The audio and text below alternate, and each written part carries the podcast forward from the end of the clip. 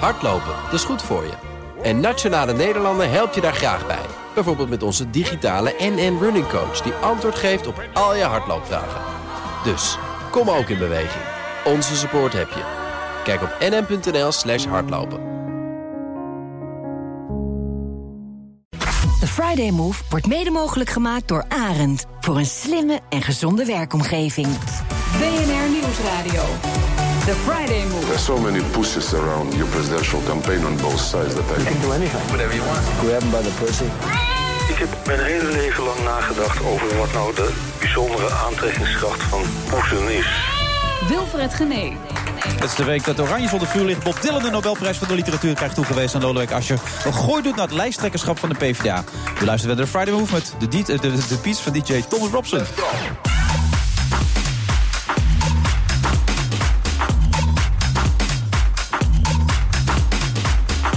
Dennis Wening was tot zijn 23e Jehovah-getuige... maar daarna dook hij de wereld in van de rock and roll. Tegenwoordig is hij presentator bij RTL 5... en tot half 7 is hij mijn co-host in het Kyocera Stadion van Den Haag. En verder vindt natuurlijk zondag de kraken plaats tussen ADO en Ajax. We blikken vooruit met de ADO Den Haag-trainer Zelko Petrovic. En zometeen ook nog Bernard Hammelburg over Pussygate. Let's go.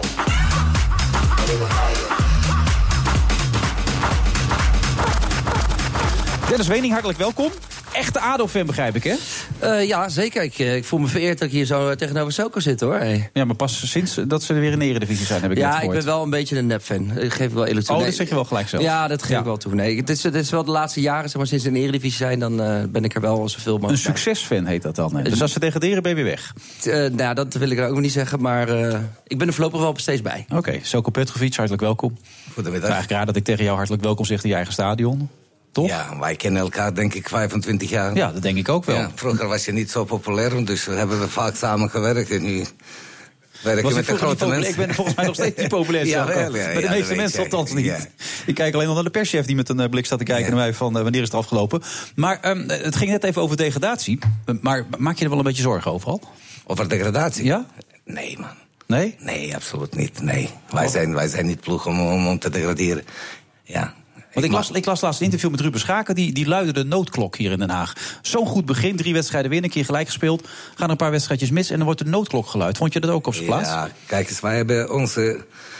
Uh, als je de eerste vier wedstrijden tien punten haalt... Ja. En, en, dan ga je vier verliezen, dan... dan lijkt of je, of je, of je crisis is of zo. Ja. Je hebt uh, ook andere teams. Uh, voor ons was het misschien beter geweest om winnen, verliezen, gelijk, Ja. winnen. En dan hebben we tien punten, dan was iedereen blij. Omdat wij hebben meer punten dan uh, wat, wat we de laatste vier, vijf jaar hebben gehad... op na acht of tien of elf wedstrijden. Ja, er staat er nog steeds het linker rijtje, nee, negende dat plaats. is- wij gaan gewoon zeker niet degraderen. Alleen maar ja, goed, wij, wij dachten ook in het begin... zullen we gewoon iets ambitie- ambitieus denken. Misschien bij Ja. de eerste 7, 8, maar goed... Champions League had de Tom nee, Beugelsdijk, de Tom nee, goed. ja, die had het over de Champions League. Jawel, maar goed, wij willen allemaal Champions League spelen. Alleen maar is uh, niet zo makkelijk. Wij zitten in de, in de, in de, in de pot met uh, acht of tien clubs... die Ja. ongeveer hetzelfde kwaliteit hebben. Ja, soms hebben meer geluk, soms minder. En als je iets meer geluk hebt, zit je, sta je tiende of, of achtste. Minder geluk worden dertiende en veertiende en zo gaat. dat stukje zit je ongeveer boven de Ja. streep en net onder die groep 6, 7, Ja. zeg maar. Ja. Dat is een beetje de plaats waar ADO Ja, thuis hoort. dat denk ik wel. Nou hoor ik echte mannen. Ga jij er dit weekend naartoe eigenlijk, of niet? Zeker, ja. Zondag zit ik in het stadion, ja. Maak je je zorgen? Pittige wedstrijd natuurlijk. Eh, Ajax. het wordt een pittige wedstrijd. En, eh, maar ik, weet je, Ajax heeft het altijd heel erg lastig als ze hier, eh, hier spelen. Eh, en ik verwacht wel vuurwerk, weet je. Ik weet dat alle ADO-spelers vooral gebrand zijn op winst natuurlijk tegen Ajax. Ja, is dat zo? Merk je een, een soort felheid bij die gasten? Nou, wij trainen bijna altijd goed. Eh, ik heb vanaf de eerste dag tot en met vandaag geen probleem gehad tijdens de training. Eh, natuurlijk is de wedstrijd tegen Ajax een aparte wedstrijd voor onze club. En ik heb ook gisteren gezegd, eh, mes tussen de tanden, maar dat betekent niet dat we moeten hier mensen schoppen. Nee, wat, wat bedoel je daar precies mee? Dat Dan? gewoon Hoe- korter dekken, agressiever dekken, Ja. in één tegen één agressiever zijn in duel. Maar niet mensen doodskop geven, zo asociaal zijn we niet. Nee. Nou ja, eh, soms moet je ook wel even toch. Ja, Dus- even, maar niet iemand Ja. eh, bewust geblesseerd raken. Dat bedoel ik. eh, omdat Maar je ik wil eigenlijk Ajax niet laten voetballen. Want dan, als ze gaan voetballen, als ze dus de ruimte krijgen om een spel te spelen... Ja. dan ben je het haasje, zeg je. Ja. Dat is wat je bedoelt. Ja, maar dat probeert iedere ploeg Ja. iedere week, denk Zou ik. wel. zeggen, inderdaad, ja. ik kijk ook vaak naar voetbal, dus dat Ja. is wel intentie. Maar soms, soms lukt het niet, omdat misschien één of twee spelers niet goed staan... en dan worden makkelijker uitgespeeld tegen betere spelers... dan met alle respect tegen mindere goede spelers. Maar is Dat het, gaat je, het is, om. is het je mee of tegengevallen sinds je bent? Wat, wat vind je van de kwaliteit? Nou, ik vind de eerste, eh, als ik eerlijk moet zijn, dacht ik eh, toen ik eh, contract tekende, wordt eh, lastig omdat imago van ADO Den Haag buiten Den Den Haag is iets anders. Mhm. Nou, na een paar dagen heb ik gelijk gezien dat het gewoon geweldige mensen zijn hier. Gewoon Ja. iedereen, gewoon geweldig, echt, meen ik echt, vanuit grond vanuit mijn hart, gewoon een geweldige club. En dat vind Nou, ik maar zo Selko, nou, nou, nou kennen we elkaar al zo lang natuurlijk. Ja, dat zeg hoor ik jou- over iedereen. Ik, ik hoor jou niet zo snel iets anders zeggen over mensen. Nee, nee, dat Heb is... je wel eens iemand waar je een hekel aan hebt gehad Ja, leven? ja, ja, ja, ja. Alleen maar roep ik niet hier. Maar, Ja, waarom niet? Ik bedoel, we zijn hier toch onder elkaar. Nee, omdat als ik eh, hekel aan eh, heb, dan zeg ik gewoon direct tegen jou een gezicht. Ik ben niet sneaky man. eh, Maar vind je die Johan Derksen nou een lul bijvoorbeeld? Nee, Johan Derksen heb ik nooit Wat vind je nou toch? Nee, Ja, ik. nee. Grappig. Ik vind de Johan Derksen, vond ik topjournalist. Ja. Vind ik nog steeds. Alleen maar doet hij iets anders dan, eh, dan eh 20, 30 jaar terug. Ik heb... eh, ja, vaak met Johan eh eh, clinics gegeven bij Ja. amateursclubben, eh, weet ik veel, eh, veel dingen gedaan. Vind ik nog steeds eh, top. En eh, als je niet top was en bent, dan ben je niet zo lang gebleven op, op topniveau. Of is dat op televisie of dat in Voetbal. International. Vind ik, Johan Derksen heeft één keer iets verkeerd tegen mij gezegd, maar honderdduizend keer positief. Dus dan ga ik... eh, Nee, maar ik vind het wel een enorme lul hoor. Ik wil het best zeggen. Als je nou ja, maar- ik, ik vind, eh, Dat, ik vind eh, en René ja. en, René en eh, Johan vind ik absoluut de top. Ja. Jij hoort wel een beetje, nou niet bij de top, maar... Nee, dat weet ik. Nee, ik doe mijn best. Ik Nee. hoor Wie een vind je beetje... dan aardiger, Johan Derks of Wilfried Gené? Johan Derksen. Ja, nee, dat kan ik me heel goed voorstellen. inderdaad, Nee, ja. vond ik vroeger aardig, maar niet meer. Nu is je een beetje boos op mij geworden, Ja, inderdaad. Ja, ja, want ik ja. schijn ik in mijn kont, aan mijn kont te hebben hangen. Maar je bent heel Nee, blij hier. Je- Ik ben hier speciaal voor jou gekomen. Oh ja? Heb ik drie uur gewacht. Normaal was ik al lang naar huis. Oh, dat vind ik wel heel Dus aardig. heb ik wel en uiteindelijk vinden we elkaar ook allemaal geen lul. Iedereen vindt elkaar aardig in dit vak. Het is één grote familie. Hè? Je hebt elkaar allemaal nodig. Eh, waar Nee, ik niet. Nee? Nee, ik heb niet allemaal nodig. Meen je dat? Nee, nee, nee. Je hebt elkaar toch allemaal een beetje nodig in dit? Nee, ik, heb- als ik iemand leuk vind, dan vind ik hem leuk. Als ik iemand eh, iets anders vind, dan vind ik hem ook iets anders. Ja. Dus, En dan wil je een nier voor afstaan en zo. Dat soort Ja, dingen. dat ook. En dat meen je dan ook echt, hè? nog dat heb je ooit al bij Ruud Gullit gezegd, maar dat neem je Ja. niet terug. Waarom zou je het moeten teruggeven? Nou ja, het is vrij extreem. Zou je snel een nier afstaan voor, je, voor iemand? Eh, als ik eh, eh, van iemand hou, wel. Ja, maar dan, dan- het is wel natuurlijk wel een stapje natuurlijk. Kijk eens, dat is eh, allemaal uit context eruit gehaald. Ja. Dus als de mensen willen jou bewust kapot maken... of als dat moet op persoon gespeeld worden... dan is het heel makkelijk.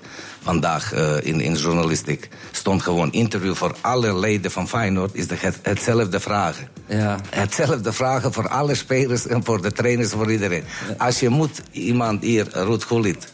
eh, eh, orgaan moet geven, weet je. Dat was voor iedereen hetzelfde. Ja. Dan heb ik gezegd, natuurlijk doe ik... Ja, ik kan hem niet hard geven, dat ga ik zelf dood. Maar Ja. nier kan ik wel meteen hier door. Dus Maar het was dat dus een wel zo. standaardvraag. En dan ga ik nog steeds, nog steeds... als de Ruud Gullit mijn nier nodig heeft... dan geef ik hem morgen wel. Maar Zelko, je hebt wel je hart gegeven aan de club, hè? Welke club? Aan ADO. Welke club? Ja, ADO. Ja. Ja. Nee, het is gewoon... eh, ik, vind, ik, vind, eh, ik geniet iedere dag hier. Alleen maar ja, vervelend is dat, dat, dat je gewoon eh, goed hebt begonnen... en dan ga je vier wedstrijden verliezen. Maar dan verlies, eh, iedereen, kijk, dan gaat het om één ding. Jij speelt vijf wedstrijden uit, drie thuis. Speelde nu vierde wedstrijd thuis tegen Ajax. Iedereen die normaal voetbal volgt, die weet dat het niet makkelijk is. Nee. Om dus volgende jaar- week tegen Roda moet je weer de punten gaan pakken eigenlijk. Komende En als je- drie, vier wedstrijden moeten we wel punten Willem pakken. 2 heb je over de vier weken AZ, of zo. Ja, Willem AZ inderdaad. ja. Maar je zegt, als we een punt pakken dit weekend... dan zijn we spekkoper, hebben we het hartstikke goed gedaan. Lukt dat niet, dat zit een beetje erbij. Bij, bij, als je tegen Ajax speelt, toch? Dat is wat je bedoelt. Dat denk ik wel. De ja. winst zou wel het mooiste zijn, hoor. Nee, ik denk dat het hele gaan- stadion ontploft als we nog eventjes even een paar Nee, wij gaan proberen om wedstrijd te winnen. Eh, Kijk, ik, dat, dat zit in mijn karakter ook. En ook als trainer. Jij moet altijd vanuit gaan dat je wedstrijd kan winnen. Jij kan nooit wedstrijd benaderen. Jongens, wij zijn tevreden met punt. Of als we hem niet tegenkrijgen. Nee. dat, dat, dat, dat kan ik Ja. niet op die manier coachen. En dat kan ik ook niet trainen op die manier. Jij traint om die wedstrijd te winnen. Maar iedere normale voetbal... Man weet dat het gewoon eh, tegen Ajax is gewoon een zware Nee, dat wedstrijd. Maar, hè? 11 tegen 11. Kan niemand vrijstaan. Ja. Ja, nee, gewoon voor gaan. Ik bedoel, hè, het kan, het kan Ja, spook man. hier. En. Dennis staat op de tribunes te schreeuwen, dus... eh, Ik heb er zin in. niet fout gaan als je het zo bekijkt. Ja, ik heb wel goed gevoel. Het hele Ja. stadion staat achter je en heel Den Haag staat achter je. Zo is het. We hebben inderdaad. gisteren en vandaag echt goed getraind. Dat heb ik echt goed gevoel. Ja, joh. Oké. Ik zal de groeten doen vanavond aan, aan Johan. Speciale groeten van mij naar Johan. Ja, en dan beste analist René van der Gijp. Ja, zou ik ook tegen hem zeggen. Ja, dat is eigenlijk gewoon... Jan van die klote presentator. Hey, Selko, succes. Nou, Bedankt. jou niet grote presentator. Jij bent toppresentator, maar jij bent iets anders dan vroeger. Oh, ja. Dat vind ik jammer. Ja, dat verandert allemaal een klein Ik ben beetje. toch wel benieuwd wat hier eh, achter zit. Eh, Ja, we ik, hebben eh, het straks wel over. Ik weet precies wat hij bedoelt. Eh, tot zo na de reclame gaan we door. Onder andere met Frans Bobet. Tot zo. Ja.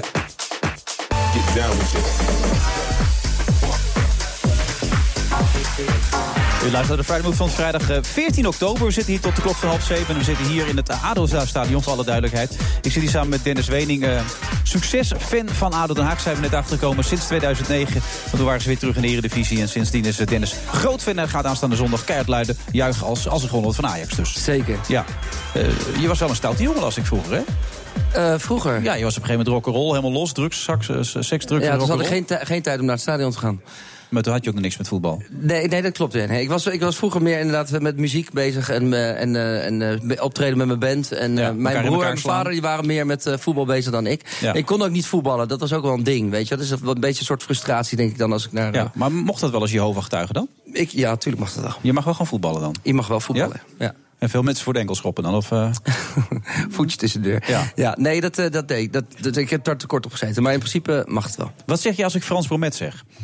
Dan denk ik aan eh, de mooie documentaires en zijn stem. En, eh, en zijn interviewtechniek met de camera. En eh, ik vind hem wel een koning hoor. Ja, een koning. Ja, ik vond hem, hij heeft wel een voorbeeld. hè. Ik bedoel, da- daarna zijn er toch heel veel mensen geweest die programma's zijn gaan maken aan de hand van wat hij heeft gedaan. Meneer Bromet, een koning. Hoe is dat? Eh, ja, nou, eh, ja, ik weet niet. Moet je daar nou mee? Ja. Dat is toch fantastisch, compliment als dit? ja, dat is wel een, een groot compliment, ja, Ja. zeker. Ja. Maar dat zal niet de eerste compliment zijn dat u krijgt in uw leven, toch? Nee, u heeft zoveel nee. mooie dingen gemaakt. Nee, ik heb wel veel complimenten gehad. Ja. Hoe vindt, u dat? Hoe vindt u dat om complimenten te krijgen? Nou, vind ik, eh, eh, vind ik heel eh, prettig, ja. Wat doet u het daarvoor? Of zegt nou, het is bijzaak? Nou, ik, ik zou er wel moeite mee hebben als ik heel veel ernstige kritiek zou krijgen, ja. Ja. Dus ik, ik, ik doe het wel om. Doe heel erg mijn best om eh, steeds iets heel erg goeds te maken. Eh, en als dat dan ook als zodanig herkend wordt, eh, ben ik wel heel, heel gelukkig eigenlijk. Hoe, bent, hoe bent u daarop gekomen eigenlijk om op die manier zeg maar, te filmen en dan ook. Ja, dat, daar ben ik gewoon al heel snel op de filmacademie al mee begonnen. Een, een, inspiratiebron destijds voor mij was wel Ed van der Elske. Die ook met de camera op zijn schouder eh, ja, rondliep door het leven. U bent van de generatie Jan, Jan de Bond, toch ook? Die, Ja, eh, ja, ja, De, de we bekende Jan de Ja. Bond, inderdaad. Ja. Van diezelfde tijd, toch We ongeveer? zaten in dezelfde klas op de filmacademie. Ja. Ja. Zie jullie trouwens wat jullie allebei doen? Je aan het spiegelen, hè? Oh ja. Nee, nee, beide heren zitten tegenover elkaar, maar doen allebei de handen over elkaar. alsof we inderdaad aan het spiegelen zijn. Heel grappig om dat te zien. Ehm, u heeft heel veel mooie dingen gemaakt. Wat is, is, het, is het eigenlijk in, in, in gradaties uit te, te, te splitsen? Wat u het met zelf het beste vond, wat u gemaakt heeft? Nee, dat, gaat- dat gaat niet. Nee, nee. Nee, dat lukt niet. nee. Alles is even goed. Dat wil ik niet zeggen, nee. Maar eh, Maar ik heb wel eens uitzendingen tussen zitten. Ik was het was een draak van een uitzending, denk ik dan. En soms denk ik, nou, dat was best aardig. oh ja, nou, dat kan. Ja, maar dat heeft u nooit gehad. Maar heb je daar een voorbeeld van? dan? Nou, deze bijvoorbeeld tot nu toe. Nee, zonder gekheid. Nee, ik, ik, als ik nu de laatste weken terug de, de half van voetbal in er zaten er twee hele goede in.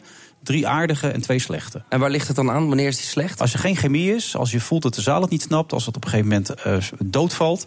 als Hans Krij iets te veel doorslaat. Nee, maar je voelt heel snel wanneer iets loopt of niet. Wanneer het klopt of niet. Ja. En, en dat, dat moet u herkennen, toch? Ja, dat herken ik wel, ja. Ja. Hoe is het nou met deze laatste film die u gemaakt heeft... over de klokkenluiders?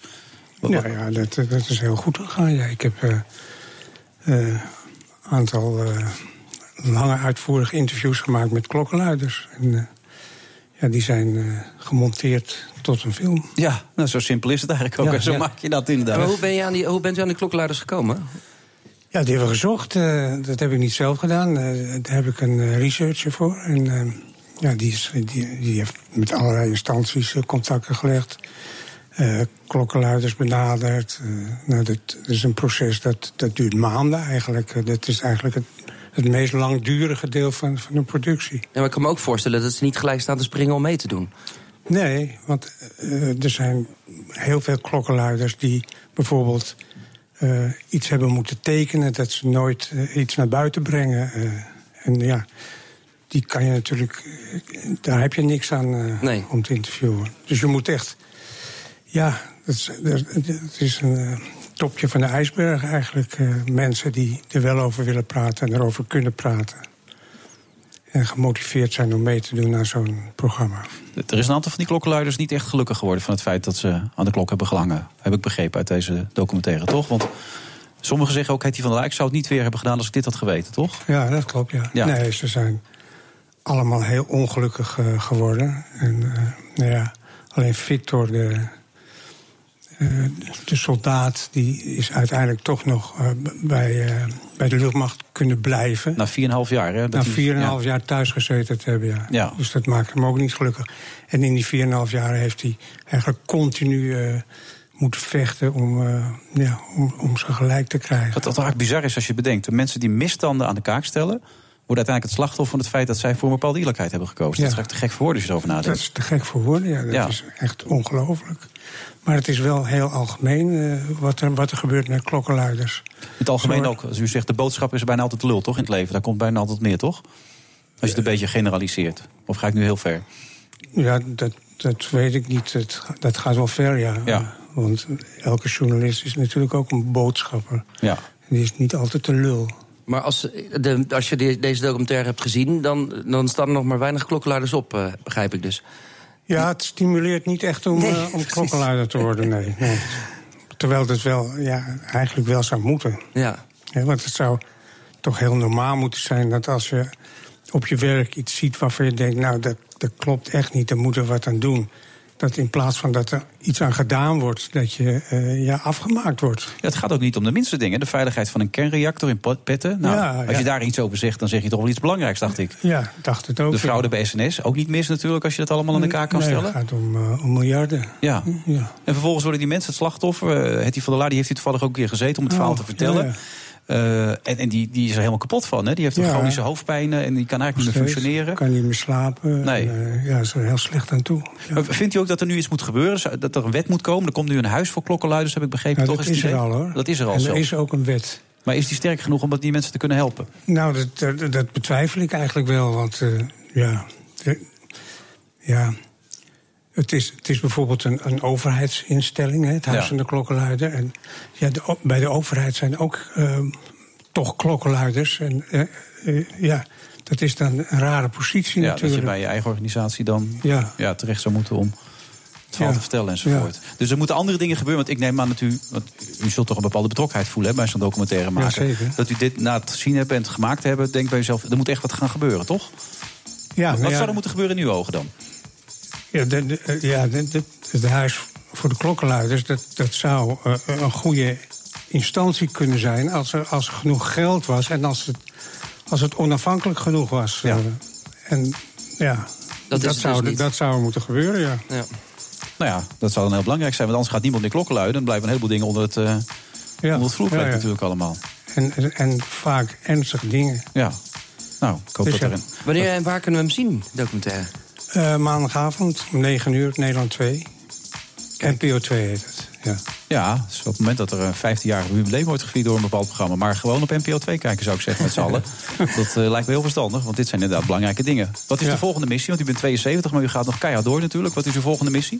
Eh, nou, er komt, een paar weken later komt een film over medische fouten. Over artsen die Ja. betrokken zijn bij medische fouten. U bent nog lang niet klaar, als ik het zo Ik ben hoor. nog lang niet klaar. Nee. Hou dat vol, meneer Bromet. Oké, En doei. succes daarmee. Goed zo, bedankt. Ja. En wij gaan nog even door in deze uitzending zometeen. We zitten in het ADO-stadion. Danny Mekic, eh, Danny Mekic is inmiddels langs, langsgekomen. Meest succesvolle jonge ondernemer in Nederland. De meest gevraagde Europese spreker. Ja, je kan alleen maar enorme superlatief uit de kast halen. Dus dat zullen we zo gaan horen. Tot zo, na de reclame. BNR Nieuwsradio. The Friday Move. His hands were all over me. En daarom hebben we besloten eh, om de eh, productie en verkoop definitief te stoppen. En daar zat ernstigere scheurvorming in dan in het andere deel. Wilfred Genee. Danny Mekic, Siebrand van Haarsma Buma en Stefan Morrison zijn nog de gast in deze uitzending van de Friday Move. En hij zit op tot half zeven. Dennis Wening.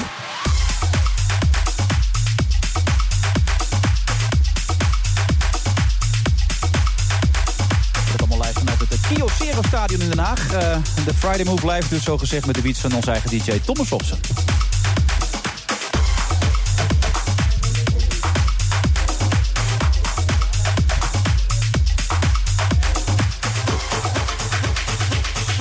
Op vrijdag 14 oktober kunt reageren, onder andere via Twitter, at BNR Friday Move, at Wilfred Gené, at, neem ik aan, Dennis Wening, toch? Yes, Die yes. zit er gewoon bij inderdaad. Dennis, waar vind je jezelf heel goed in? Presenteren. Waarom? Eh, nou ja, ik, nou ja ik- live shows, wow. Dat- Ja, eh, je bent even binnen. Nee, pre- ja, goed, ja, ik weet je, ik ben wel tevreden. Er zijn heel veel dingen namelijk die ik niet heel goed kan. En elke keer met- toen ik met mijn band speelde, ik kan wel gitaar spelen, maar Ja. ik kan niet heel goed gitaar spelen. En ik kon snowboarden, maar ik kon niet heel goed snowboarden. En ik ben eigenlijk in heel veel dingen ben ik wel oké, maar ik vind met presenteren vind ik dat ik het wel aardig doe. Ja, je bent eigenlijk gewoon goed daarin. Dat is eigenlijk wat je wil zeggen. Ja, nee, dat wil Nee, jij nee, dat ik dat zeg. nee, ja, maar ja, je zegt is van al die andere dingen zeggen. Ja, dat nee, maar presenteren vind ik het enige. Als ik mezelf dan wel eens zie, dan denk ik, nou ja, met li- vooral met live shows, zo je Dance en zo, dan eh, denk ik, nou ja, dat staat het Haagse pikje toch eh Lekker te flikken. Ja. Ik las je- dat je van jezelf zegt, mijn kracht is mijn onbevangenheid. Maar dan moet ik me wel concentreren. Maar als je onbevangen bent, dan concentreer je toch niet? Of Nee, dat, heb ik dat gezegd? dat heb je gezegd in interview. toen was ik niet geconcentreerd. Nee, dat is Eh, duidelijk. Ja. Nee, ik, eh, ik denk dat mijn onbevangenheid wel werkt. Maar daardoor zorgt het ook wel er inderdaad voor dat het soms juist heel erg... eh, Chaotisch wordt. Ja, chaotisch en losjes is. Maar, Heerlijk. ja. Zo hoort het te zijn. Danny, make iets hartelijk welkom. Internetondernemer, waar ben jij goed in? Heeft u even. Waar- nou, ik wilde eerst, nee, ik wilde even op Dennis reageren. Ik vond hem ook een goede mol. Dus dat, hoort, dat zegt hij dan weer niet. Oh, dat is ja, natuurlijk wel ja. een tijdje geleden. Maar ik vond hem ook wel een goede mol. Waar, waar, ik, waar ik goed in ben, waar ik in elk geval heel veel- veel mee bezig ben, is technologie. Al heel lang. En dat, dat begon eigenlijk in een tijd waarin technologie iets was, dat, dat, dat hoorde je niet te doen. Dan kreeg je een naampje Nerd Whisky, whatever, werd je in de hoek van het schoolplein weggezet. Ja, en nu is het iets heel belangrijks geworden. Ik probeer daar echt gewoon in de voorhoede mee te gaan. Iedere dag in te lezen, ermee te experimenteren, eraan te bouwen. En of ik dan een advies geef aan een bedrijf, een lezing verzorg zoals vandaag, of bij jou te gast ben, dat maakt me dan weer niet zoveel uit. Ik ook je niet de beste in te de zijn. grootste bedrijven van Nederland geef je advies. 40 van de grootste bedrijven van de 100, begreep ik toch? Eh, nou, en volgende week naar het Midden-Oosten eh, voor de derde keer. Dus dat gaat ook steeds vaker de grens over, dat klopt. Ja, Ja, dus wat dat betreft ben je een succesnummer. Ook de, een van de meest gevraagde sprekers in Europa stond op je website. Dus dat is niet mis. Nou ja, dat, dat is ook iets waar ik trots op ben. Maar dat Ja. is absoluut niet iets waar ik bij rust. Hè. Dus we moeten absoluut door blijven werken en het moet verder gaan. Ja. Maar wat voor adviezen moet ik dan aan denken als je dan voor zo, eh, zo- eh, grote bedrijven staat te spreken? Ik zal je een voorbeeld geven. Heel veel grote organisaties zijn georganiseerd op een manier waardoor je niet snel nieuwe kansen uit de wereld op kan pakken.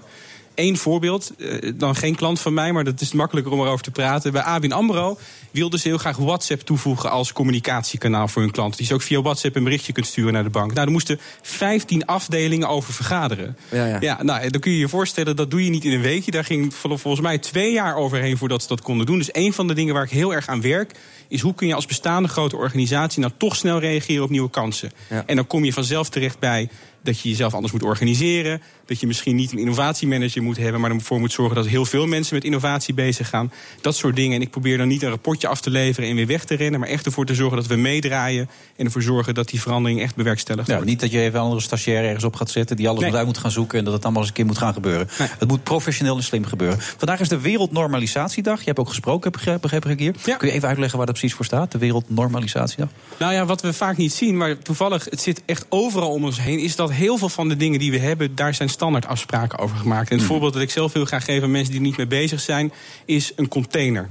Ja, als je een schip langs ziet varen, dan zie je er van die containers op. En die containers die zijn zo gebouwd dat ze ook op een vrachtwagen passen, dat ze ook op een trein kunnen en dat ze ook op schepen kunnen. Omdat die altijd een bepaalde afmeting hebben, kun je er dus voor zorgen dat de vervoersmiddelen die je bouwt, dat die er ook voor zorgen. Of, eh, dat die daar ook op aangesloten kunnen worden. En zo zijn er heel veel normen. Eh, En het is vandaag Wereldnormalisatiedag. En dat betekent dat we vieren dat die normen bestaan. En dat ik vandaag ook heb geprobeerd te kijken van zijn die normen nog wel belangrijk. Eh, en, en volgens mij is het antwoord ja, sterker nog. Ik denk dus ook dat heel veel start-ups falen. Omdat ze met een heel goed idee de markt op gaan. Maar nooit nagedacht hebben over hoe ze aansluiting vinden op de bestaande markt en bestaande bedrijven die al bestaan. Dus ze proberen er vervolgens iets te verkopen aan bedrijven die zeggen. Leuk idee, maar het gaat niet werken in de vrachtwagens die we hebben. Of het kan helemaal niet op de trein waar je het voor ontwikkeld hebt. Maar er zijn ook heel veel innovaties die eigenlijk hun eigen normen daardoor gaan bepalen, toch? Als je het omdraait. Dat is wel waar, eh, maar dat zijn er niet zoveel. Ik, ik denk dat je dat heel duidelijk ziet op dit moment in de medische sector. Dus wat je daar ziet is dat er in een korte tijd heel veel apps ontwikkeld zijn voor artsen. En het idee van die apps is dat artsen op een veilige manier met elkaar moeten kunnen communiceren en overleggen over een patiënt. Dossiers uitwisselen, foto's uitwisselen. Fantastisch idee. Het is natuurlijk echt de, de, de, de toekomst. Dat je als Nederlandse arts met je collega in Australië kunt overleggen. Het probleem alleen is, het zijn honderden apps inmiddels Ja. die niet met elkaar praten. Dus wat je nu hebt, of je moet als arts 100 apps op je telefoon hebben waar je allemaal een account op hebt en waar je allemaal gebruik van maakt. Of je bent gewoon de sjaak en dan denk je, joh, het zal me wel, maar ik gebruik het helemaal niet. Dus je ziet. Dat is dus een voorbeeld van waar die innovaties stuk lopen. Wat er waarschijnlijk gebeurt, dat zagen we bij WhatsApp en bij Messenger.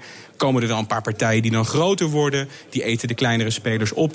Maar dat is eigenlijk niet goed voor innovatie. Je zou eerder iets willen zien, zoals bijvoorbeeld bij het telefoonnetwerk. Als jij KPN-klant bent, kun je Vodafone en T-Mobile-klanten ook bellen. En zo zou ik het heel graag willen zien, ook bij die medische apps. Maar heb jij, heb je, sorry hoor, maar heb jij ook bijvoorbeeld dingen, dat kan ik me zo goed voorstellen, als jij daar alleen maar mee bezig bent, daar, waar je aan ergert? Ja. Als je iets op tv zit, of weet ik van, je hebt Danny iets. hoor, dat weet ik. Ja, Danny is, ja, die vindt dat fijn. Ja, maar ik kan me Ja, voorstellen dat je ja. iets doet, dat je denkt, jongens, het kan allemaal veel beter. Nou, weet je wat ik zo geestig vind? Twee dingen. Er wordt heel veel over drones gesproken. Ja, drones die gaan pakketten bezorgen, et cetera, et Ja. cetera. Even los van de vraag dat die batterij het vaak nog maar 20 minuten volhouden... en dat ze dan weer aan de grond moeten komen. Dat Nou, vind ik... korter vaak nog, heb Nee, ik vaak gemerkt. nog korter. Bij ons hangt hij in de boom trouwens, maar ga door. Ja. Maar goed, Amazon is daar bijvoorbeeld mee bezig. En dan zie je in hun reclamefilmpje zie je zo'n Amerikaanse villa op echt een hectare eh, grasgrond staan. En dan gaat die drone zo- die, die legt hem dan dat pakketje dan neer bij je voordeur. En ja, ik woon in Amsterdam. Dan denk ik, hoe gaat dat in steden werken waar toch nog steeds in, in Nederland de meeste mensen wonen? Dat kan Ja. niet. Dan denk ik vervolgens aan de schoorstenen die we hebben die niet meer gebruikt worden. Dan denk ik, wordt het niet eens tijd dat we die gaan vertimmeren? Dat het een soort drone dropbox wordt. En dan een in het drone dropbox. Ik vind het wel mooi hoor. Ik zie het voor me. nou ja, en dan, maar dan nog erger. Ik woon dan zelf in Amsterdam. En ik denk dat we allemaal het beeld wel herkennen van... Nou, ja, drones, dat gaat daar voorlopig gewoon niet werken. Maar wat daar wel zou werken, dat zijn zelfvarende boten... waar je je pakketje op kunt eh, laden en lossen. Dus van PostNL, gewoon een boot die de hele tijd rondvaart. Dan zie je op een app waar die is. En als je pakketje erop zit, krijg je een code. Dan druk je op die knop, dan meert die aan daar waar jij bent. Dat ding hoeft ook maar een paar kilometer per uur te gaan. Dus echt doden gaan er niet door vallen. Het is allemaal wel relatief veilig. Dus dan denk ik, laten we daar nou mee aan de slag gaan. Dan loop ik al jaren mee rond en nu gaan ze het doen. Dus ik ben wel blij ook. Dus die Maar frustratie je wordt gaat er niet, vaak... niet bij betrokken zijn. Nee. Dus, dus uh, heb het idee gepikt, zeg maar. Of heb je het weggegeven idee. zo? Dit vind, ik nou echt zo'n, dit vind ik nou echt zo'n leuke discussie. Dat is natuurlijk ook daar Rozengaard voor wegliep. Maar ehm, ideeën we zijn van ons allemaal. Ja. We leven in een wereld en waar komen die ideeën vandaan? Ik denk misschien voor 1% uit je eigen hoofd... en voor 99% haal je ideeën op bij andere mensen. Alles hangt in de lucht eigenlijk al. Alles hangt in de lucht. Daarom Ja. zie je vaak op veel plekken dezelfde ideeën tegelijk ontstaan. Ja, en dat wedstrijdje van wie is het idee, daar heb ik helemaal geen zin in. Dit idee zal ongetwijfeld helemaal niet, zou ik de eer- eerste niet geweest zijn. Maar ik had het idee ook. Je vindt het belangrijk dat ze uitgevoerd worden. Dat en is ik vind het wel belangrijk dat ze uitgevoerd worden. Dat vind ik dan belangrijker dan van wie het idee is. Maar je, je hebt volgende week een stuk in het FD staan, geloof ik, hè, over de totalitaire technologie staat. Vond ik wel een aardig stuk, heel gezegd. Dat we ook niet moeten doorslaan met z'n allen. Ja, dankjewel. Eh er komt een bijlage uit eh, bij het eh, Financiële Dagblad over smart cities, slimme steden. Ja. Nou, dat klinkt heel gaaf, hè? Dus ook weer zo'n buzzwoord naar big data, social media gaat het weer om smart cities. En wat is een smart city? In de ogen van technologiebedrijven is een smart city een stad gebouwd op hun technologie. Waarbij maatschappelijke problemen, die eigenlijk opgelost moeten worden door de politiek, die worden dan uitbesteed aan technologie. Dus zeggen ze tegen IBM en Microsoft: hé, hey, we hebben wat problemen in deze stad, los het eens op. Dan gaan die technologiebedrijven lekker eh, aan de slag met die problemen. En die gaan het vervolgens oplossen. Dan Slimme moet je dus- vuilnisbakken, slimme eh, stoeptegels, dat soort dingen allemaal. ja, laatst was ik zelfs over lantaarnpalen die de gemeente Amsterdam wil plaatsen met microfoons erin. Dan word je dus op straat afgeluisterd. Maar ik las in dat stuk dus ook. Dus als je nu op die manier moet parkeren in Amsterdam... ik weet niet hoe het in Den Haag is... dan moet je dus naar dat ding toe lopen, naar die parkeerautomaat. Dan moet je je eh, Ja, je- kenteken ja. intypen. En dan, maar ik las dus bij dat verhaal van Danny... dat als er ondertussen een scanauto voorbij komt... je bent nog niet bij die paal... dan word je gewoon ge- ge- krijg je gewoon een bekeuring. Je hebt een paar minuten de tijd. Dus als je Echt binnen een paar minuten. Ja, ja. En ik had zelfs één keer. Ik ging Dat keer, kunnen ze dan weer wel. Dat kunnen ze wel. Een keer was ik zelf eerst hulp aan het verleden. Ik had mijn auto dus even snel op de stoep gezet. En ja, ik kreeg achteraf een bon omdat ik eerst vergeten was om eerst even te betalen voordat ik iemand Dus op straat ging reanimeren. moet, moet een bom moeten halen en dan had je mogen helpen. Ja. En Dus- ik, moest, ik moest aantonen dat ik eerst hulp aan het verlenen was. Ja, Oh, weet ik veel. Ik heb toch niet het 06-nummer van die persoon die vervolgens met de ambulance weggebracht werd.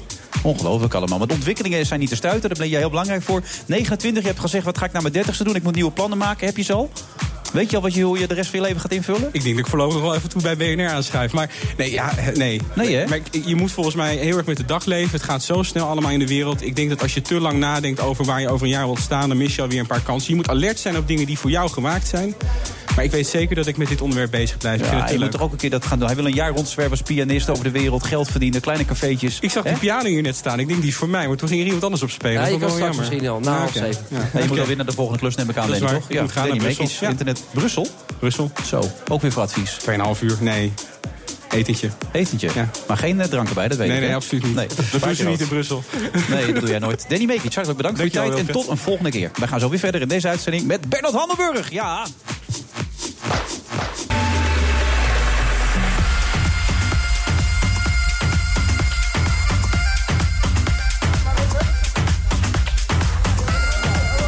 Friday Move, uh, vrijdag uh, 14 oktober. We zitten vandaag in het Kyocero Stadion in Den Haag. Uh, namens de Nens zijn we weer uitgenodigd. U hoort het, de stemming is hier geweldig. Straks ook nog Stefan Morrison. En naast me zit nog steeds Dennis Wening. Um, je doet helemaal niets meer met muziek, ja toch wel? Je doet nog wel wat, toch? Of is het een beetje helemaal... nee, het ligt een beetje stil. Maar ik geef, de, de plannen zijn er wel, maar de uitvoering is er nog niet. Maar dan gaat het niet meer zoals destijds worden. Dat je gaat knokken de hele tijd uh, achter het podium met je vrienden. En elkaar nou, we gaan nog wel, ik ga nog wel keiharde muziek maken. Maar uh, dat vechten, dat moeten we nog maar even zien.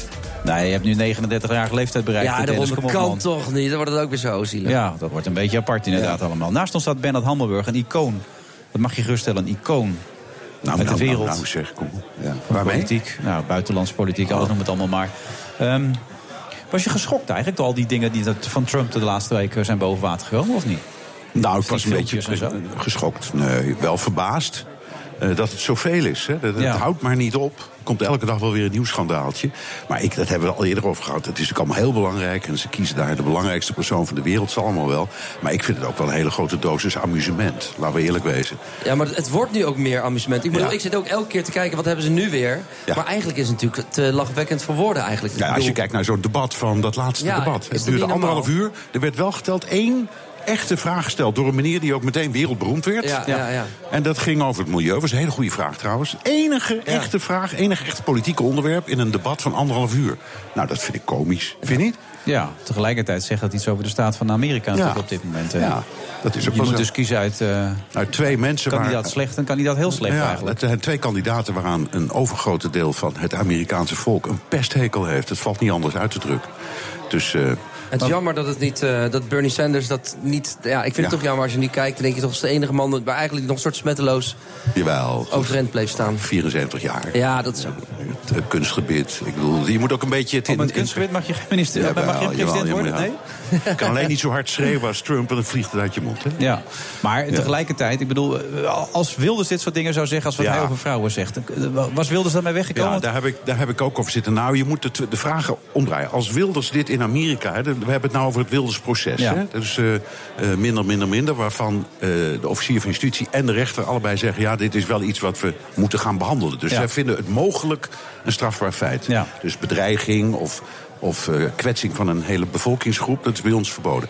Als Wilders dit in Amerika zou doen, dan halen ze hun schouders op. Want daar mag, uh, jij bent jurist, je weet er waarschijnlijk meer van. Mm. Maar daar, daar wordt dus het idee van vrijheid van meningsuiting... is daar volledig absoluut. De fifth is dat geloof ik in Amerika. Nee, dus de first. De, de first, first amendment. Okay. De first, het allerbelangrijkste burgerrecht ja. is vrijheid van meningsuiting. En die, die staat boven het algemeen belang. Daar. Terwijl bij ons het algemeen belang en redelijkheid en billijkheid en Ja. zo... dat zijn, dat zijn de lijpen daar niet. En dus omgedraaid.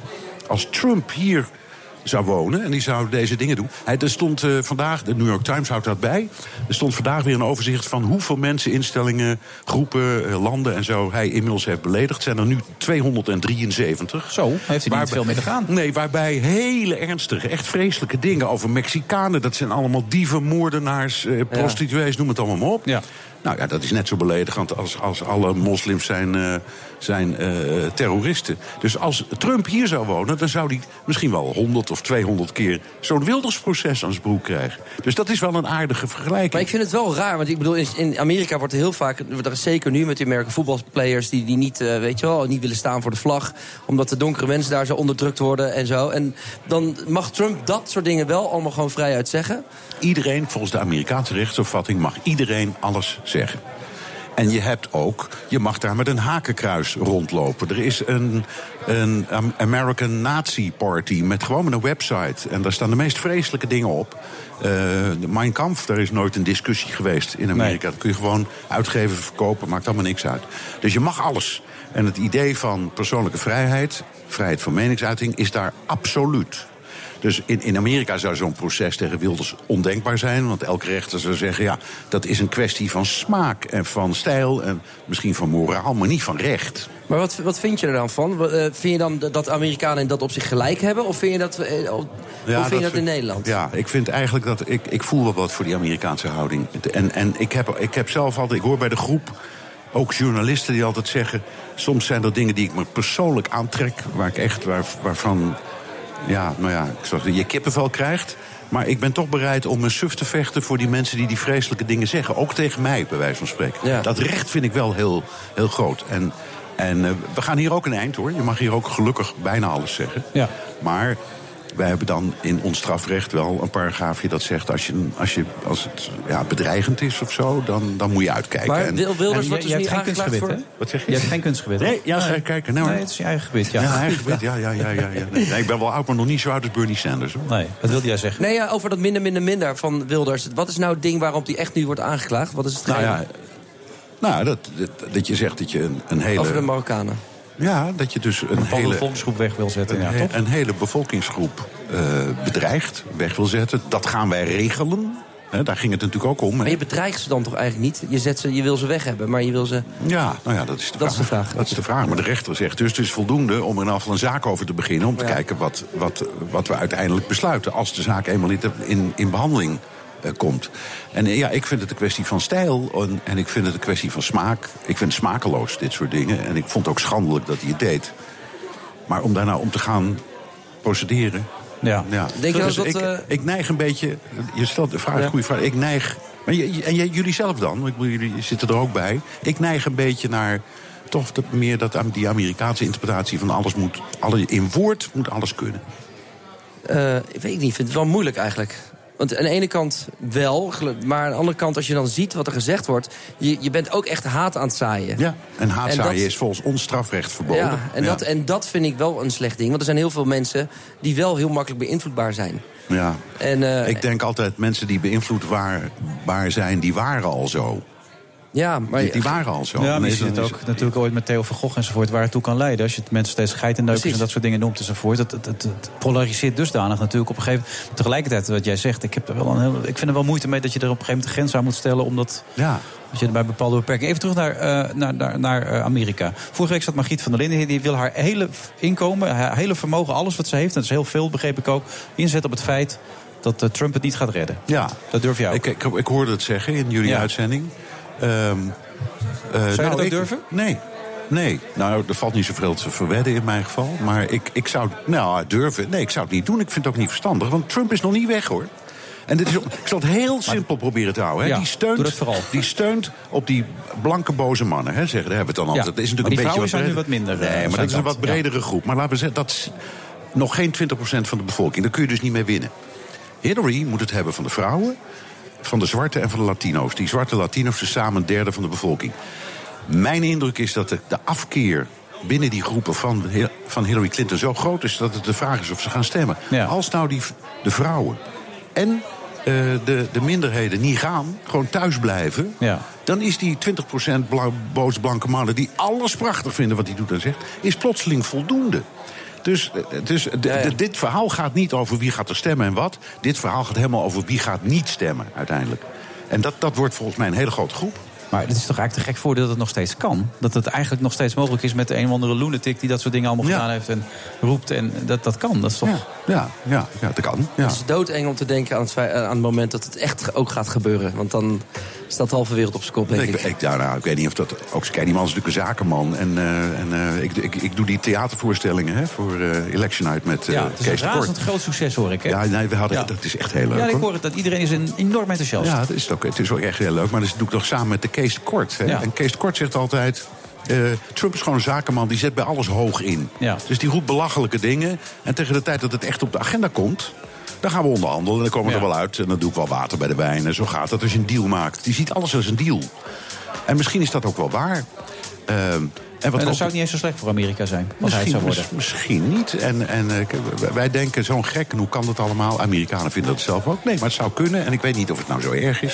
Er is ook één ding wat je moet onthouden. Op diezelfde dag, 8 november, wordt ook het congres gekozen. Hè? Het hele Huis van Afgevaardigden, derde van de Senaat.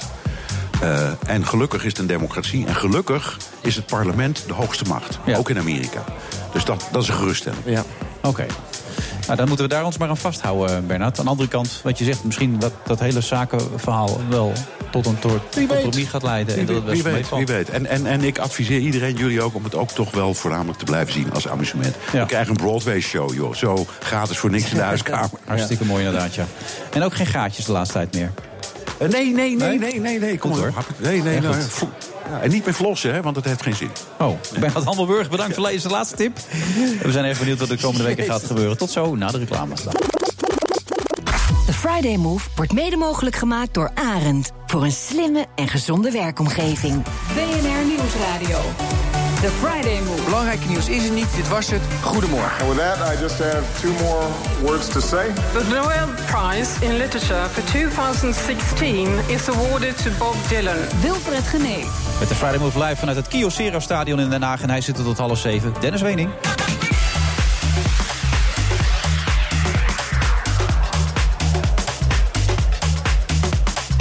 En het kan toch raar lopen met zo'n Dennis Wening. Van Jehovah-getuige tot rock'n'roll artiest. En nu succesvol tv-presentator. En zometeen ook schuift hij aan Siebrand van Haarsma Buma. Hij praat ons bij over het verkiezingsprogramma van het CDA. Ooit het geloof natuurlijk een belangrijke leidraad in het leven van eh, Dennis. Kunnen we ook zeker nog over praten. En muziek komt van een deel van de cast van I'm a Soul Man. Dat allemaal in deze uitzending van The Friday Move.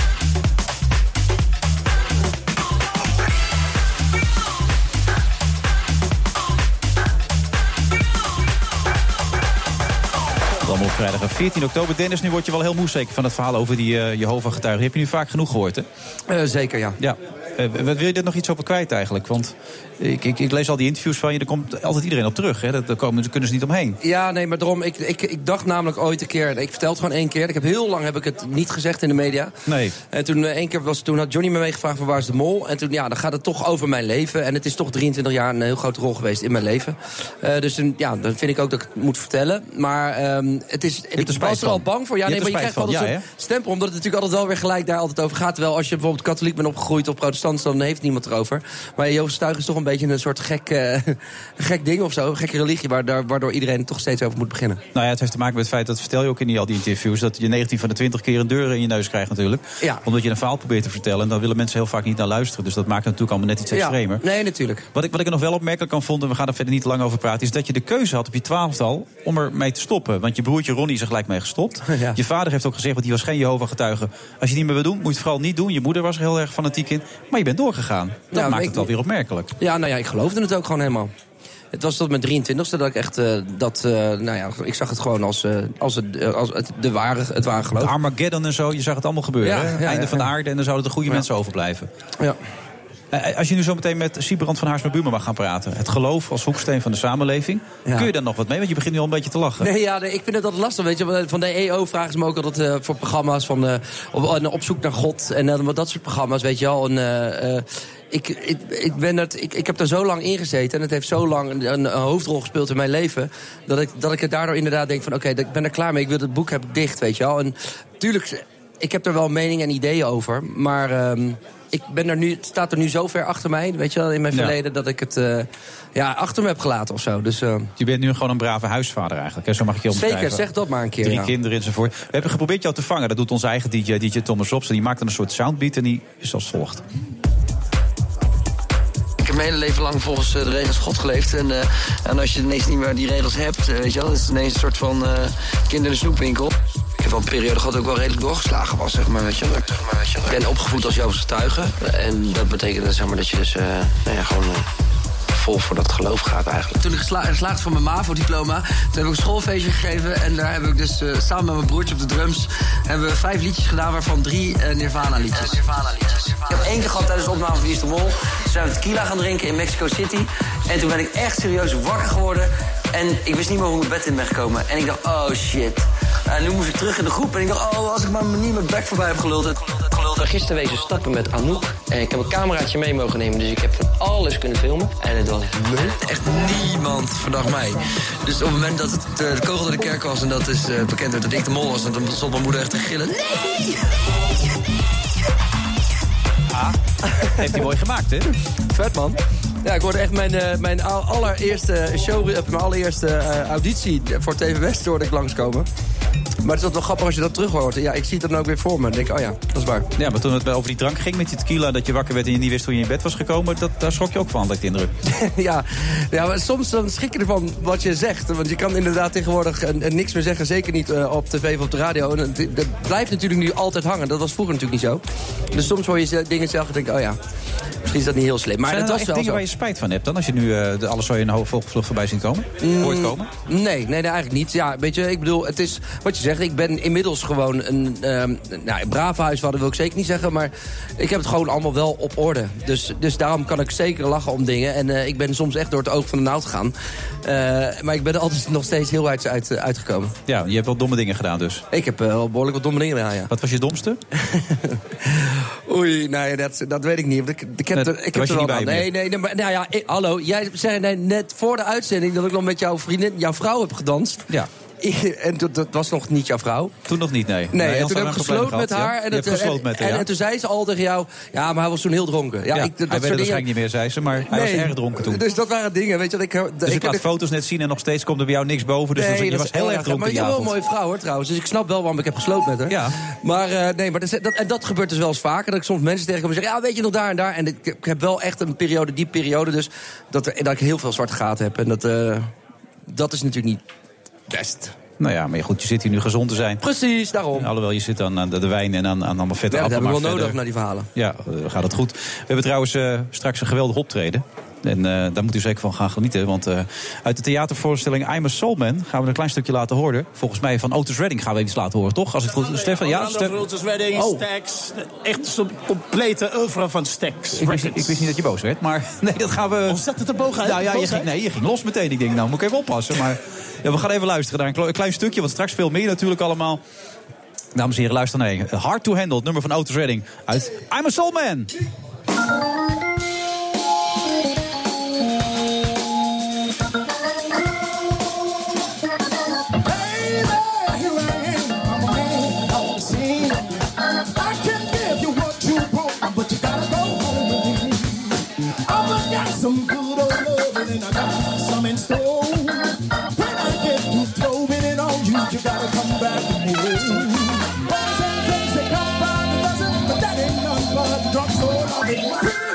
Let me light your candle, cause mama, I'm so hard to handle now, you're so wrong.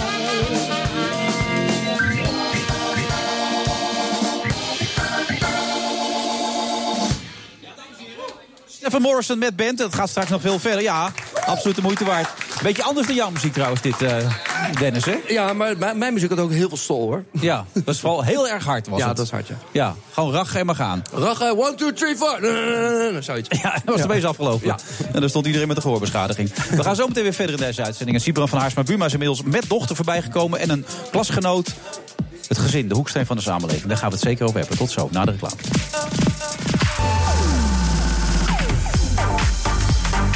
Vrijdag eh, 14 oktober, we zitten in het Kyocera Stadion in Den Haag. Eh, Daarvoor eh, hebben we eh, onder andere Dennis Wening uitgenodigd. Groot fan sinds 2009, sinds de promotie van ADO terug naar de Eredivisie. Ja, ik moet het wel herhalen je moet het steeds weer erin wrijven. hè? Ja, mensen moeten het even weten natuurlijk. Er moet geduid worden. Hoe is het met Cambuur? Eh, dat gaat heel slecht. En we staan op dit moment vanavond ook weer in een moeilijke opgave tegen FC Den Bosch. Trouwens, wat stem je eigenlijk, eh, Dennis? Ik stem eh, D66. Ja? Ja. En deed je dat altijd of is dat pas van de laatste jaren? Eh, de laatste jaren. Heb je ook wel CDA gestemd in het verleden? Of? Eh, nee, want toen eh, stemde ik nooit. Nee? Nee. Oh. Nee, dat, dat, dat was zo, ja. eh, weet je, Zou het kunnen zijn dat je ooit bezig. CDA gaat stemmen?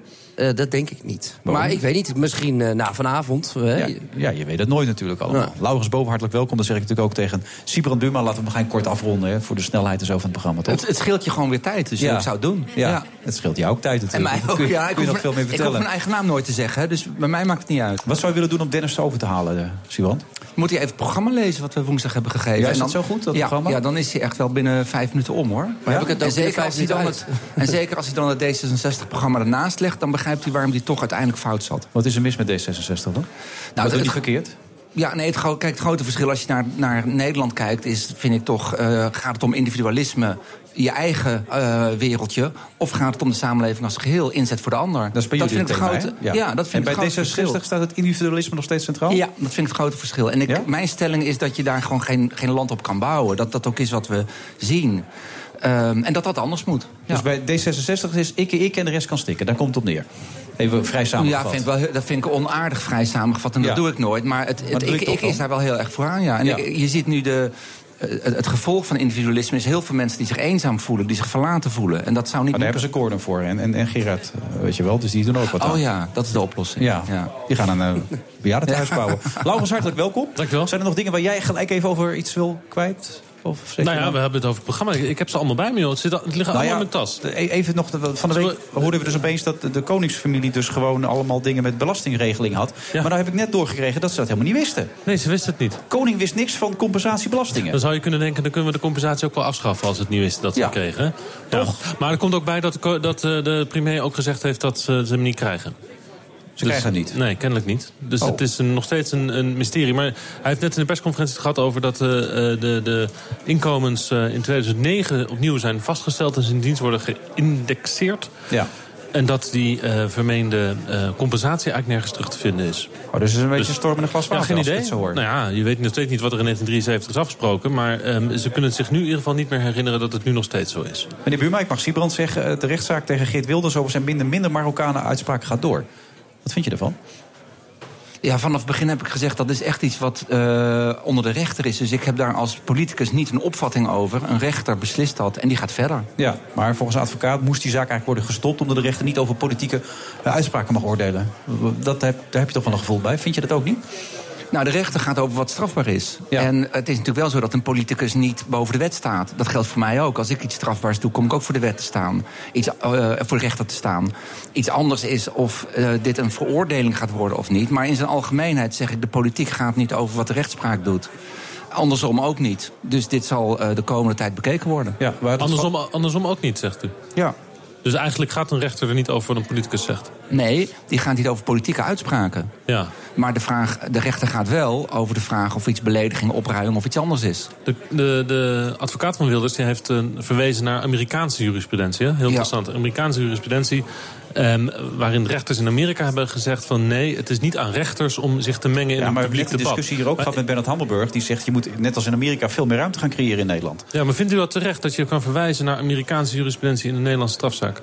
Nou, we gaan, we, we gaan snel de juridische diepte in, moet ik zeggen. Eh, kijk, Amerika, Amerika heeft wat dat betreft eh, een, een veel eh, eh, absolutere vrijheid van meningsuiting dan enig ander land. Bernard heeft net gezegd dat je in principe alles mag zeggen daar. Ja, ja, dan mag je met nazi-symbolen Ja. rond gaan eh, lopen op straat en weet ik wat voor dingen. Waar wij al heel lang van hebben gezegd... nee, er zijn grenzen om het samenleven beter te maken. En ik moet zeggen dat, wat mij betreft, de discussie... en dat zal je ook overigens in dat verkiezingsprogramma terugzien... wat je gelezen hebt. Het niet alleen gaat over wat mogen we allemaal niet roepen... maar ook wat is de grens van wat we moeten willen zeggen. En wat vinden we nog verstandig in een samenleving die al zo gepolariseerd is. Dus ik zou meteen daarop doorgaan, helemaal niet het Amerikaanse systeem willen. Ik vind het goed dat we in Europa en ook in Nederland wel grenzen trekken. Als een haatimaam namelijk iets zegt, mag je dat in Amerika ook veel vaker zeggen. Willen we hier ook niet. Nee. Het is een beetje het balkendeval. hè? De normen en de waarden, het gezin, de hoeksteen van de samenleving. Dat komt weer een beetje terug, toch? Ja, maar het is ja, ik, ik, ik, toch vanuit een andere positie. Ik kijk gewoon naar hoe Nederland er nu uitziet. En ik zie dat een aantal dingen niet goed gaan. En ik zie ook dat, wat ik noem individualisering... dat mensen zich eerder verlaten voelen... dan dat mensen zich veilig en zeker voelen. En die onzekerheid die in het land zit... die, die vind ik gewoon het grote probleem op dit moment. En daar zet ik inderdaad tegenover een aantal antwoorden... die Jan-Peter Balkenende ook al gaf. En, en waarom? Omdat die nog steeds spelen... En naar mijn idee ook te weinig in de samenleving van nu zitten. Ja, ook dat is een reden waarom jullie tegen die hulp bij zelfdoding zijn... waar nu over gesproken wordt bij die wet. Ja, nou, ik vind daar meer het punt. Ik, ik, ik, ik, ik was wat verrast dat het kabinet daar nu ineens mee kwam. Daar is dit voorjaar een advies gekomen wat heel breed gedragen was. Want het is natuurlijk een heel complex vraagstuk, Ja. wat ik heel goed realiseer. Maar er was nou net door een commissie onder leiding van Paul Schnabel gezegd... binnen de wet die we nu hebben kan je al meer ruimte bieden. Nou, ik begrijp die discussie over ruimte. Maar als zo'n commissie breed gedragen daarmee komt... vind ik het zo zonde dat dit weer heel erg gepolariseerd moet gaan worden. Ik geloof dat we juist met de euthanasiewetgeving... voorbij dat, die polarisatie zijn. En dat vind ik wat ik, toen ik het hoorde, dacht van... waarom moet dit nou? Maar je waarom bent u erop tegen dan? Nou kijk, op zichzelf is de, de, de euthanasiewetgeving die we in Nederland hebben... vind ik belangrijk dat dat er is. Maar als je dat gaat uitbreiden tot een soort nieuwe wet... waarbij ehm, het, het, de, de, het eh, voldragen leven, hoe heet het ook weer? Het, het, eh, Voltooid leven. voltooid leven een nieuw criterium wordt. Buiten de euthanasiewet, waar dus aparte mensen voor komen die als taak, niet als arts, maar als taak krijgen levensbeëindiging. Is de grote vraag wie, wanneer, hoe bepaalt wat dat moeilijke is van voltooid leven. Dan is Wat het mooie is van de wetgeving Die mensen nu. hebben hulp juist nodig en die moet je gaan helpen. Nou, in veel gevallen, denk, dat is natuurlijk heel moeilijk, want er is een einde leven wat voor- in alle gevallen heel kwetsbaar is. Maar ik vind wel dat als het gaat om wat we als overheid moeten faciliteren, is dat maximaal mensen steunen in die laatste levensfase. En ik vind het dus. eh, een stap overgaan als je zegt voltooid leven, wat, wat dus niet te definiëren is. Want, want wat is voltooid leven? Voor Wie zegt dat? eh, natuurlijk uniek dan Om dan maar te zeggen van nou, dan komt er dus een soort aparte functie in Nederland en dat is het beëindigen van dat leven. Ik vind het juist heel goed hoor. Ah, Ik ben, sorry, maar dat ben ik dan gelijk al naar de week. Ik ga niet op CDA stemmen. Maar ik vind dat juist fantastisch als mensen. Ik, ik denk zeker als je gespecialiseerd daarin bent. En nou, er zijn mensen die zo niet lijden. Die, dat valt dan niet onder het lijden van de euthanasiewet. Ja. Maar die wel echt hun leven willen beëindigen. En die dat echt met volle, in een volle verstand kunnen uitbrengen. Ja, is dat de keuze een volle mogen hebben. nou ja, Ja. ik, ja, dat, ja. Nou, kijk, ik vind het moeilijke gaat hier worden. In de praktijk echt, dat gaan we allemaal meemaken. Waar Ja. ligt gewoon de grens? Want er zijn, wanneer moet zo iemand gaan zeggen... nou, dit is levensbeëindiging en wanneer niet? En waarom ik dan zeg, waarom moet die wet nu? Omdat, nogmaals, ook binnen de huidige wet... meer ruimte is om wel degelijk met dat voltooide leven rekening te houden. Het is niet zo dat het nu niet kan. Maar om het helemaal iets nieuws te maken, dat vind ik heel ver gaan. En dan zeg ik, goed, als je die keuze maakt... ik, ik ben daar niet voor... Maar als we nou net een commissie hebben die dat breed gedragen doet... van artsen tot betrokkenen... dan vind ik het zo zonde dat dit ethische punt, dit moeilijke punt... ehm, zo eh, met, met een versnelling erop gezet wordt... terwijl het niet nodig is. U zei net, u zei net Dat van... vind, ik het, dat vind ik dus de reden waarom ik zeg... Ja, waarom, waarom moet het op deze manier? Ja, maar u zei net ook van, ik vind het verrast me dat het kabinet er nu mee Ja. komt. We zijn een half jaar voor de verkiezingen. Ja. De kans is heel groot dat er na de verkiezingen... een christelijke partij in het kabinet zal komen. En dan zal dit plan het, het, het eh, nooit halen. Want er zal geen enkele christelijke partij in Nederland zijn die dit steunt. Nou, de SP steunt het ook niet. Nee, precies, maar dat... Eh, dus het gaat, niet, het gaat meer om hoe kijk je ook weer naar de samenleving. Kijk je meer naar de taak van de overheid om mensen in hun leven bij te staan. Bij wat ook heel vaak eenzaamheid is, een gevoel van verlatenheid in het laatste levensdeel. Of zeg je nee, er is een, een wens om levensbeëindiging, dat faciliteren we. En die is niet, niet meteen op die lijn of je nou een C in je partijnaam hebt of niet te zetten. Hoe dat dan gaat, zullen we moeten zien. Ik, er is nu een wet, ik, of, of er is een brief van het kabinet. En we zullen zien hoe de wetgeving Ja, staat. Maar ik ben daar niet voor. staan er wel iets positiever in. En ook D66 lijkt die kant op te gaan. Maar die zijn ook meer met zichzelf bezig, hebben we net geconstateerd, toch? Dat was de Ja, maar zo gemeen wil ik het in dat rond deze wet niet zeggen hoor. Nee. Maar die staan er anders in, dat klopt. Ja, en de tweet van mevrouw Verijn Marijnissen... Ja, vind ik, dat vind ik echt belachelijk. Dat is helemaal niet nodig. Dat vind ik ook weer zo zonde om, om ook weer uit die discussie te gaan. Dit is een hele waardevolle discussie. Maar Ja. we moeten hem wel, vind ik, met waardigheid ook voeren. En dat was dit niet. Nee, maar ze willen hem absoluut niet intrekken.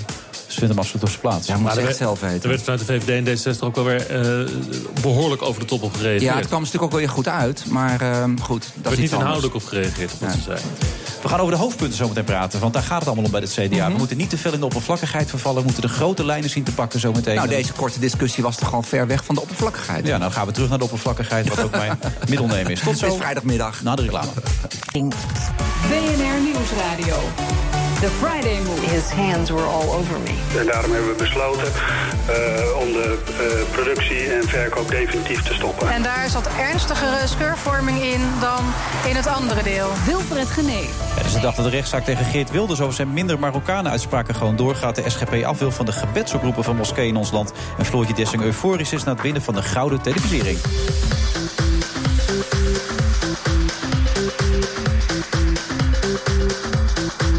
Luistert natuurlijk naar eh, de Friday Move eh, vanuit het Kyocero Stadion in Den Haag. Nog steeds naast mij eh, Dennis Wening, die nog niet helemaal om is, heb ik de indruk. Verder ook CDA-leider Siebrand van Haarsma Buma, heb ik het toch weer gezegd. En verslaggever Laurens Boven.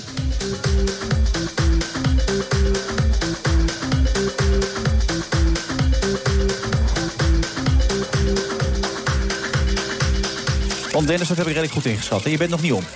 Ik ben nog niet om mee. Nee. Nou, maar goed, weet. we hebben nog eventjes, toch? Ja, nee, we gaan nu het programma een beetje behandelen. Trouwens wel lekker dat ze bij de PvdA nog een beetje aan het intern aan het rommelen zijn. Hè? Dat ze nu drie kandidaten hebben. Jacques Monas is wel redelijk verrassend, toch? Of, of vind je dat niet, uh, Sibran? Ja, ja, vind ik wel verrassend nadat hij eerder had gezegd dat hij uit de politiek ging. Maar wij hebben natuurlijk zelf in 2012 ook een uitgebreide lijsttrekkersverkiezing gehad. En toen kwamen er ook verrassende kandidaten. Ja. Maar het is wel lekker toch dat hij nog een beetje intern bezig is... terwijl jullie al lekker het verhaal kunnen vertellen. Ja, maar dat is wel heel cynisch. Uh, nee, het is helemaal niet ja, cynisch. Nee want, nee, want ik vind echt... het- Zij zijn niet, het is meer dan intern bezig zijn. Dit is ook echt wel een partij die nu bezig is... volgens mij een verkiezing te organiseren... waar niemand de uitkomst van weet.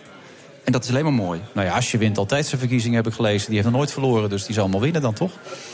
Ja, nou dat kan. Eén keer moet de eerste zijn. Ik weet het niet. Nou, kijk, nou ja, de bedoeling was natuurlijk wel een beetje vanuit de partijtop... om, om een Samson-Ascher-strijd te hebben. Ja. Twee mannen die al in de top zitten... en die gewoon allebei hun eigen versie van het verhaal van dit kabinet kunnen vertellen. En dat is natuurlijk heel vervelend in die zin. Daarom is het vervelend dat er natuurlijk intern dan zo'n gedoe ontstaat. Als je dan een Ja. tegenkandidaat hebt die zo anti-top is... en ook de interne strubbelingen van de partij aan de orde gaat stellen. En dat op een moment dat jullie allemaal al bezig zijn... met het overtuigen van kiezers. En, en da- daarmee halen ze natuurlijk wel, eh, zetten zichzelf wel een achterstand voor de komende paar maanden. Maar er gaat, er gaat nog zoveel gebeuren de komende tijd. Dus wat dat betreft, hè. Ja, en Iedereen- de hoop is natuurlijk dat het, dat het wel iets positiefs genereert. Bovendien, de laatste dat kan natuurlijk ook positief Dat uitpakken. was een paar weken ervoor ging Samson opeens een pak dragen, droog opeens een das en opeens ging alles de goede kant op voor, Ja. de, voor de PvdA. Dus wat dat betreft niet te vroeg vlammen eigenlijk, Siband. Nee, en ik heb nu op dit moment geen das om. Dus bij mij verandert ook alles met de dag. Ja, maar dat kan nog tegen die tijd, toch? Ja, Richting maart ga je meer in de dassen zitten. Absoluut. Ja. Ja. Maar wat je ook belangrijk hebt, vindt, is het politieke debat loopt vast in managementtaal, doorrekeningen en vastgeroeste standpunten. Dat gaat het CDA zeker niet doen. Die hebben een programma op hoofdlijnen en vooral een strijd tegen het doorgeslagen individualisme. Hoe gaan jullie dat doen? Even kort, gewoon boem, even de belangrijkste punten. En heel belangrijk vind ik dat jongeren leren dat je ook iets terug moet doen voor die samenleving. Vandaar dat wij zeggen, wij willen een dienstplicht invoeren. Voor jongens en meisjes, hè? Ja, Ja. jongens en meisjes. Die je maatschappelijk kan invoeren. En ook militair, maar zeker ook maatschappelijk. Ook poli- politie en dat soort zaken, zorg. Ondersteunende dingen, Ja. natuurlijk. Ja. Ja. Heropvoeding. Ehm, of voeding. Nou, voor een deel wel. Ja, Ja. Ehm, ik kijk ook naar de arbeidsmarkt, waar je ziet dat heel veel mensen nu wel een baan krijgen, maar alleen maar een flexbaan. Terwijl het veel waardevoller is als mensen een langdurige relatie met hun werkgever hebben. Dus dat willen we ook veranderen. Als je naar de zorg kijkt. Vind ik, wat ik een groot probleem vind, is de komst van steeds meer ziektes die te maken hebben met verkeerd eten bijvoorbeeld. Dus we zeggen, zorg nu voor meer preventie, meer sport en betaal dat uit een heffing op frisdrank, suikertax. Ja. Dat zijn ook veranderingen. Dat hebben we het niet eerder gedaan, maar toch wel een aantal dingen die je in de maatschappij niet goed ziet gaan. Waar je keuzes maakt. Nou, tot slot ook op de universiteiten. De tweedeling die je ziet tussen studenten die het kunnen betalen en die het niet kunnen betalen, zeggen wij: draai het leenstelsel terug. Wat mij betreft beter wel studeren en eh, meer betalen voor je reis dan een gratis reis, maar niet kunnen studeren. Belangrijkste punten. Dennis, heeft je eerste reactie? Het derde, het derde punt vond ik wel goed. Met het eten en Suikertax. eh, suikertax. Ja, ik, vind, ik zie dat wel zitten. Ik vind het wel, er wordt er heel veel over gepraat. En ik bedoel, je wordt, mensen worden wel steeds bewuster. Maar ik bedoel, de sigaretten die worden natuurlijk steeds duurder. En die worden dan, eh, ik geloof de menthol sigaretten worden vanaf januari al verboden. En ik vind eigenlijk cola en zo, dat soort drankjes, dat is natuurlijk ook super slecht. Dus waarom daar ook Ja. niet... eh, Jamie Oliver maakt zich er heel hard voor in Engeland. Het, het gevaar Ja. is wel in Nederland dat wij... Paternalisme houden we niet zo van. Hè? Op het moment dat we dan van bovenaf dat soort dingen opgelegd krijgen... zijn we snel zo van, nou, dan gaan we er extra veel van gebruiken. Ja, dat, dit is ook echt wel een punt waar bij ons discussie van tevoren over geweest is, wat we in het verleden ook niet hadden. Eh, het gaat ook om een belasting die je hebt. En tegelijkertijd komt er echt een moment, en dat voel ik zelf ook, dat je ziet dat het niet goed gaat. En dat we echt een probleem krijgen met obesitas, met diabetes. En dat als we dus praten over ook in de hand houden van zorgkosten. Dit soort ziektes, dit soort chronische- chronische aandoeningen worden heel groot. Nou, dan moet je dus mensen bewust van maken dat je anders moet leven.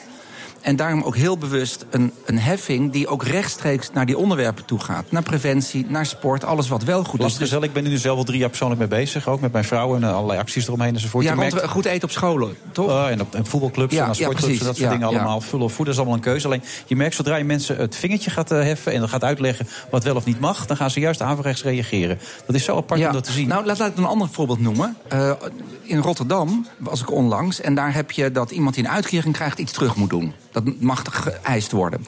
En wat hebben, heeft de gemeente, was in Krooswijk nu gedaan? Moeders die geen baan hadden, zijn gevraagd om op een school tussen de middag de lunch te regelen. Ja. En wat koppelen ze daaraan? Eh, kinderen, het is een achterstandswijk waar de kinderen vaak met zakjes chips kwamen. Daar wordt op school goed gegeten. Daar, daar smeren ze de boterhammen. Dus er worden brood op tafel gezegd, ham, kaas en eh, boter. Je smeert je boterham, je hebt minimaal zoveel tijd voor je lunch. En dan ga je weer weg. En daar worden dus twee dingen gekoppeld. Ze hadden de mensen niet voor het overblijven. Nu hebben ze wel. De moeders die dat doen, sommigen hebben inmiddels een diploma om de horeca in te gaan. Gaan weer naar werk. En die kinderen leren dus Ik geloof dat ze er 20 minuten voor hebben te eten en daarna buiten te spelen. Ik vond dat heel mooi. Maar dat is dus een andere manier waardoor je met, met toch politiek beleid... namelijk mensen met een uitkering terug laten doen op de scholen... echt een lunch serveren, betere voedings, eh, eh, vo- voedingsregelmaat krijgen. Mooi voorbeeld in detail, terug naar de hoofdlijn. Dat moet ook een minister komen van gezin en familie. Ja. Waarom? Omdat eh, gezin en familie heel vaak iets is wat we vanzelfsprekend vinden, maar eigenlijk niet zo is. Kijk, als we, ik heb het voorbeeld ook genoemd toen wij het verkiezingsprogramma presenteerden.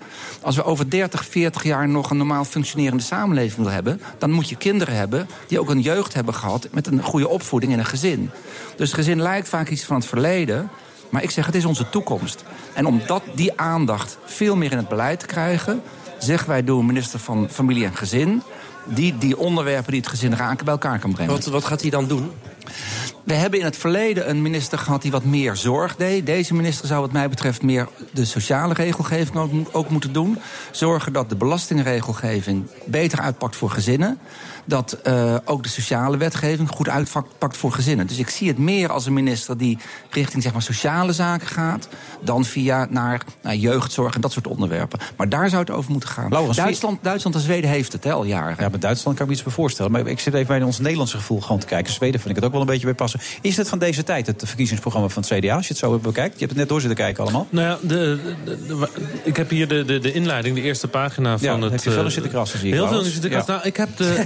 Je kan nog, als je lid wordt, kan je amendementen indienen. Dus eh, kom maar met je Dat is misschien verstandig. Nee, het is misschien verstandig, want die eerste pagina die, eh, die, die wemelt van, een, van de negatieve woorden. Het is een hele zware, zwarte analyse van hoe Nederland er nu voor staat.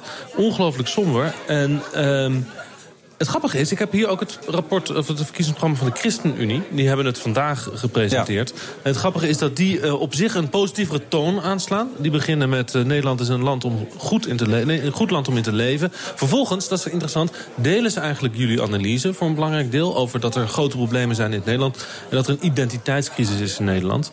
En eigenlijk, ik ben wel benieuwd, als je nou de ChristenUnie en het CDA naast elkaar zet, die programma's, ik zie niet zo heel erg grote verschillen. Wat is nou volgens u eigenlijk het belangrijkste verschil tussen wat jullie voorstaan en wat de ChristenUnie voorstaat? Nou, de eerlijkheid gebied te zeggen dat ik er nog niet aan toegekomen ben om het verkiezingsprogramma van de ChristenUnie te lezen. Dat is wel Dus eerlijk, hè? Dat, ja, dus Ja. eh, ik kan moeilijk de verschillen aangeven. Ik vind wel dat als je zegt het gaat goed in Nederland en we hebben een identiteitscrisis.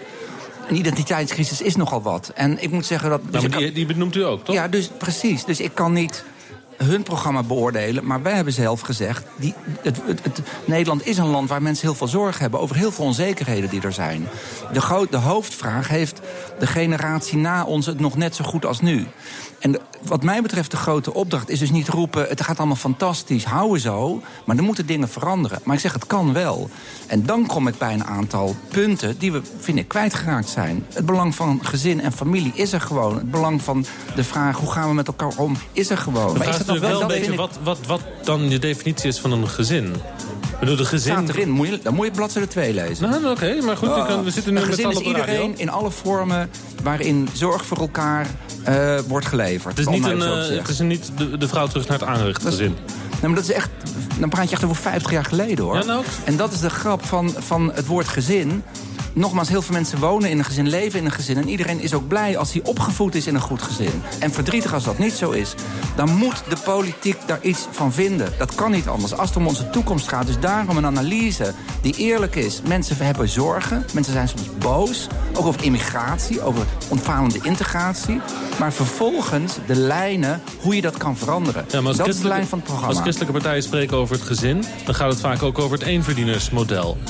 Nou, het gaat veel meer. Ja, je moet niet al die, alle partijen hetzelfde noemen. Maar het gaat er wel om dat als iemand eh, één inkomen heeft, nu, als hij meer gaat verdienen.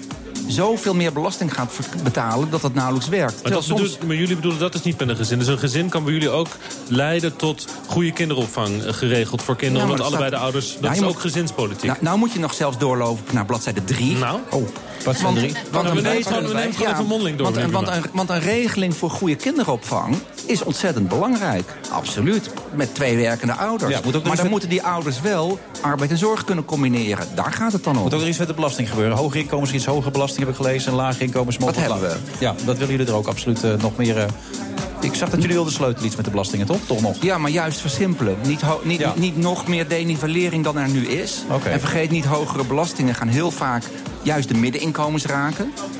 En ook dat zijn mensen met een gezin die hun kinderen een goede toekomst willen geven. Nogmaals, waar nu, ook dat is gezinsbeleid, de kinderen vaak niet meer van kunnen studeren door het leenstelsel. Dus ik blijf staande houden, dit is echt beleid van de toekomst.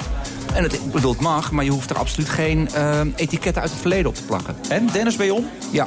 Ik neem... dat zei Oh, nee. zelf. Ik, ik neem, ik neem zijn boekje mee. Ja? Ja. Nou, ik moet wel zeggen, Siebrand, ik vind wel dat je groeit. Mag ik dat zeggen? Ik vind dat je in je presentatie enzovoort, dat gaat echt... Nou, weet je, het is wel leuk dat je dat zegt. Want wat ik zelf wel merk, we hebben nu vier jaar... ben ik leider van het CDA. En Ja. in die vier jaar ben je natuurlijk wel heel erg aan het denken van... maar hoe ziet die wereld eruit? Ik heb zoveel mensen gesproken, zoveel gezien... dat het heel erg matcht met het verkiezingsprogramma. En de vorige keer, 2012, ineens was ik er.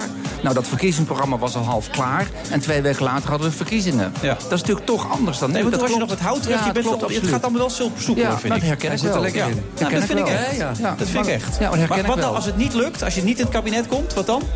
Dat niet. Dan kun je wel mee leven. Ga je gewoon door. Ja, want dat, ook, ook dat, nou, ook dat vind ik anders. Alsof iedereen het maar mee wil doen. Maar het gaat er niet om of je meedoet. Het gaat erom of je iets kan bereiken. Ja. En als je in een kabinet niet iets kan bereiken... dan moeten we niet meedoen. En dat was in het CDA vroeger ook anders. Echt, wij waren, ik bedoel, bel iemand op en ze komen. Ja. En nu zeg ik, nee, wij willen een aantal veranderingen. Die doen we in dat programma. En die moeten ook kunnen. En anders doen we lekker niet mee. En, nou, lekker, dan doe je niet mee. Dan Nee. doen anderen het. Nou ja, zeg ik lekker niet mee. Maar jij ja, zegt doe lekker niet mee. Gewoon Ja. lekker op het schoolplein spelen. Ja. Bedankt, eh, Siebrand. Graag gedaan. Tot de volgende keer. Oké.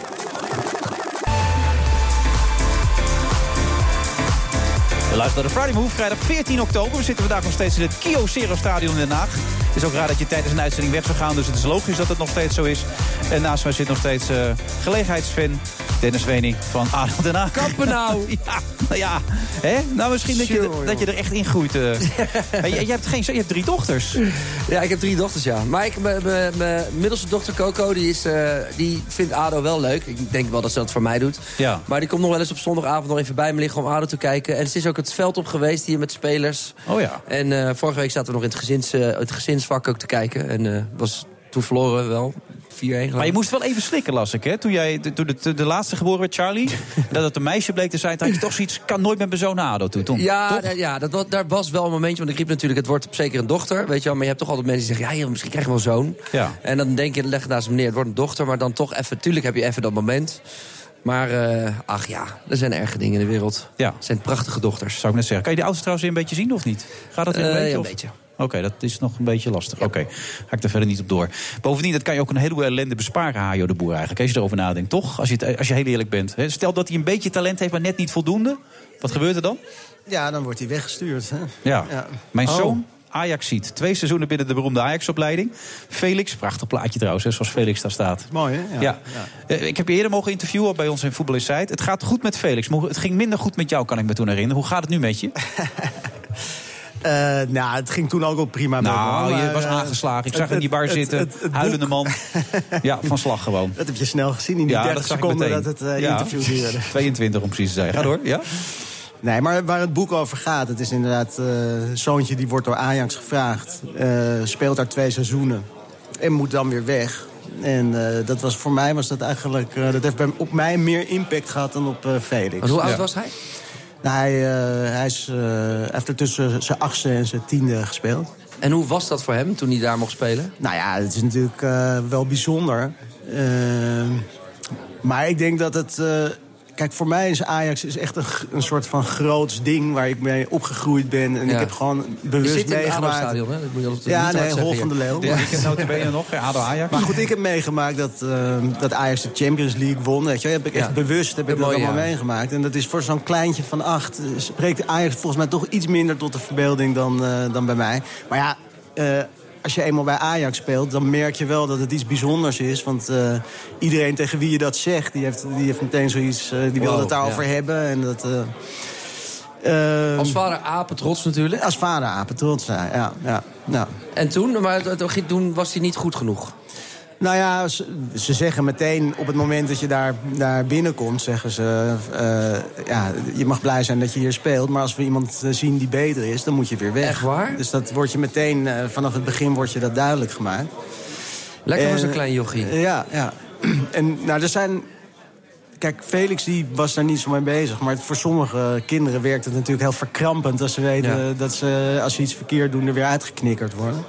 Maar waarom was het voor hem niet zo belangrijk dan? Hoe kan dat dan? Nou ja, omdat het gewoon een vrij relaxed eh, gastje is, gelukkig. En daar ben ik ook heel erg blij om. Maar hij werd een tijdje Felix de Hoer genoemd, dat vertel je dan ook. Daar zit hij gewoon wel huilend voor in de auto enzovoort, weet je wel. Dat zijn toch Ja, maar volgens mij werd, eh, is, hij, hij zat daar zelf niet zo heel erg mee, hoor. Dat hoorde zijn moeder en die vond dat heel erg. Ja. Maar- Waarom werd hij zo genoemd? Nou ja, dat doe je, ik bedoel, zo gaat het toch in de kleedkamer. Ik heet Hajo de Boer. Ik werd ook Oh. Bajo de Hoer genoemd. eh, tien jaar lang toen ik op voetbal zat. eh, Ja. vroeger. Dat hoort er een beetje bij. Bajo de Hoer, ja? ja. Nou, dat is voetbal. Ik vond het wel- ik vond het wel gezellig, ja. Locker room talk zou het, de- Donald Trump zeggen waarschijnlijk. Maar voor jou was het zwaarder. Hoe gaat het nu eigenlijk met hem? Ik bedoel, is hij er helemaal los van? Want jij hebt er nu een boek over geschreven. Wordt hij er weer mee geconfronteerd? Hoe, hoe, gaat hij met dit boek om? Nou ja, hij, vindt, hij heeft het niet eens gelezen, maar hij vindt het leuk. Dat, ik bedoel, het krijgt veel aandacht en het straalt ook een beetje op hem af. Ja. En eh, hij vindt het natuurlijk prachtig om, eh, om eh, bij Umberto Tan aan tafel te komen zitten. En dat maakt hij dan ook maar allemaal mee, weet je Ja. wel. Dus het is eigenlijk een beetje hetzelfde als met Ajax. Hij heeft, daar, hij heeft daar twee jaar gespeeld. En als je daar... Eigenlijk heeft hij in die twee jaar heeft hij wel alle mooie dingen meegemaakt die je mee kan maken, weet je. Je gaat naar de meest fantastische internationale toernooien. Je speelt tegen Barcelona, Benfica, Ja. Milan. dat heeft hij allemaal meegemaakt. Er zijn ook jongens die worden op hun 15e of hun 16e worden ze weggestuurd. En dan heb je eigenlijk al je hele jeugd... Heb je, Daar naartoe geleefd. heb je, nee, maar ook eh, heb je besteed aan... eh, er blijft weinig tijd en ruimte over voor andere dingen. Maar was jij boos toen hij werd... eh, Nee, ik was natuurlijk was ik niet boos. Dat Ja, ja, kapot. Ja, kapot was. Ik was, ik, heb, ik was heel erg teleurgesteld, maar dat heb ik heel erg goed verborgen weten te houden eh, voor Felix. Dat denk jij, of eh, dat weet je zeker? Ja, dat weet ik zeker. Ja? Maar er waren ook andere als hij, als hij, als het boek leest, als hij het boek leest, dan zal hij zien hoe het werkelijk is. Ja. Maar dat doet hij waarschijnlijk over tien jaar dan. Want hoe oud is hij nu? Hij, is nu, hij wordt bijna elf. Oké, dus het is echt nog niet zo lang geleden Nee, ook. nee. En voetbalt hij nu nog? Ja, hij voetbalt gewoon weer. Ja. Maar Bij niet- zijn oude club hier. Bij zijn oude club. hier. Ja. Maar wie was er fanatiek? Jij was iets fanatieker dan hij, volgens mij. Als ik het zo een beetje door Ik was kijken. veel fanatieker dan Ja. hij. Kijk, ik, ik Hij lag, zat de ik, te ik kijken lag dan- serieus s'nachts wakker. Als hij, hem, eh, hij is keeper, hè? Dus ook nog, dat maakt ja. het nog, nog een stukje erger allemaal. Ja, Dus als hij dan een, eh, een zullig balletje had laten lopen... dan lag ik daar s'nachts van wakker. Ja. Want, eh. En hij terug in de auto. Nee, hij haalde zijn schouders erover op. Was weer met hele andere dingen bezig. Gelukkig maar hoor. Ik bedoel, er zijn natuurlijk ook... Er zijn jongetjes voor wie dat heel erg belangrijk is. Die echt vanaf het moment dat ze daar binnenkomen in hun hoofd hebben... dat ze later eh, profvoetballer worden. Maar ja, hij vond het gewoon... Hij heeft er gewoon van genoten. Aan de ene kant kan ik me ook voorstellen dat het wel een soort rust geeft. Dat je er niet meer zo druk om hoeft te maken over, eh, over de carrière en wat er allemaal gebeurt. Dat je gewoon weer lekker voetbalt bij zijn clubje, toch? Of is dat, moet ik het anders zien? Nou ja, ik, eh, kijk, ik liep rond met het idee over dat boek. En dat kon eigenlijk pas geschreven worden vanaf het moment dat hij werd weggestuurd. Dus dat was een mooie bijkomstigheid. Maar uiteindelijk had ik natuurlijk liever ge- gehad dat hij, eh, dat hij er nog steeds gespeeld had. Ben je nog eh, voor Ajax? Mag ik dat eh, hier zeggen? Jij mag het eh, zachtjes dan, hè? Zachtjes. Ja. Maar wat vind je het van de club Ajax? Eh, Viel het mee of viel het tegen, wat jou betreft? Ehm, nee, het, het, viel me, het viel me absoluut niet tegen. Kijk, in, in zekere zin... Wat me een beetje tegenviel was dat eh, het staat bekend als het, eh, als het beroemde opleidingsinstituut. En in feite eh, doen ze ook maar wat daar. Dat viel me wel Ja, op. ja, ja. Maar er is een aantal jaren geleden is er zo'n documentaire Ja, gemaakt over... Engelen ja. zingen en zo, ja. Eh, en ik- heb het idee dat ze daar wel wat van geleerd hebben. Want ze gaan wel op een vrij relaxte manier met die jonge jongetjes om. Hoor. Dat is, Het is menselijker zo, eh, geworden, want het is, dat niet, was het is niet zo militaristisch als het, eh, als het ooit was. Nee, dat werden jongetjes helemaal stijf gescholden. Ja, gewoon. ja, en dat werd gewoon ja. allemaal gefilmd. Ja. Die jongens die zaten zo tegen de muur aangeplakt. Ja, echt. Als die Johan Derksen niks bij zoals die mannen tekeer gingen. Dat was echt verschrikkelijk was dat. Het boek gaat trouwens hartstikke goed, hè? Ja, het gaat goed, ja. Hoeveel Ja. zijn er al van verkocht? Of, of Ik heb geen dat? idee. Dat, dat het is een tweede druk, dus, eh, Ja, nou, dus dat schijnt leuk. goed te zijn. Het is leuk geschreven ook, toch? Je bent er zelf ook wel blij mee. Ik Jij, jij hebt het wel gered dan, wat dat betreft, als schrijver, toch? Nou, dat moet nog blijken. Ja. Mijn zoon, Ajax ziet. Twee seizoenen binnen de beroemde Ajax-opleiding. En gelu- gelukkig gaat het goed met Felix. Want dat vind ik eigenlijk wel het belangrijkste van alles. Belangrijk, hè? Ja. En dat papa er weer bovenop komt. Ach, nog een paar biertjes en dan lukt het vast alweer, toch? Ja. Wint Ajax ooit nog de Champions League? Ehm, Daar ga je toch niet over nadenken? Nou dat kan toch helemaal niet? Is een serieus antwoord? Ja? Of, eh? nou ja, ik denk dat zo, als Ajax in de Nederlandse competitie blijft spelen... met, eh, met dat... eh, en de verhouding qua televisiegeld blijft zo scheef... Ja, Als je dat, kansloos. dan is het kansloos. hè. Ja, maar eerst ADO dit weekend, hè? dat weet je. ADO uit, altijd lastig. Gaan binnen. Ja, duidelijk, zegt de gelegenheidsfan. Dennis Wening, tot zo na de reclame. Dag. BNR Nieuwsradio. The Friday Move. There's so many pushes around your presidential campaign on both sides that I can do anything. Whatever you want. Grab him by the pussy. Ik heb mijn hele leven lang nagedacht over wat nou de bijzondere aantrekkingskracht van poesen is. Wilfred Genee. James Brown is dood, maar de Soulman is alive en kicking.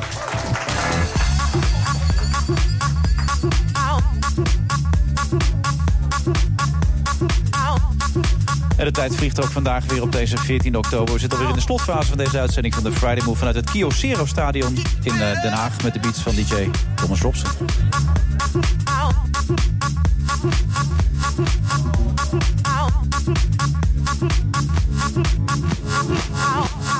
En naast de echte Hagenese Dennis Wening... die eh, in het verleden ook optrad met een band... en het slechtste optreden ooit was bij de Valkhof-affaire in Nijmegen. Heb ik dat goed begrepen of niet? ja. En hoe slecht was dat? Ja, dat was echt heel, heel slecht.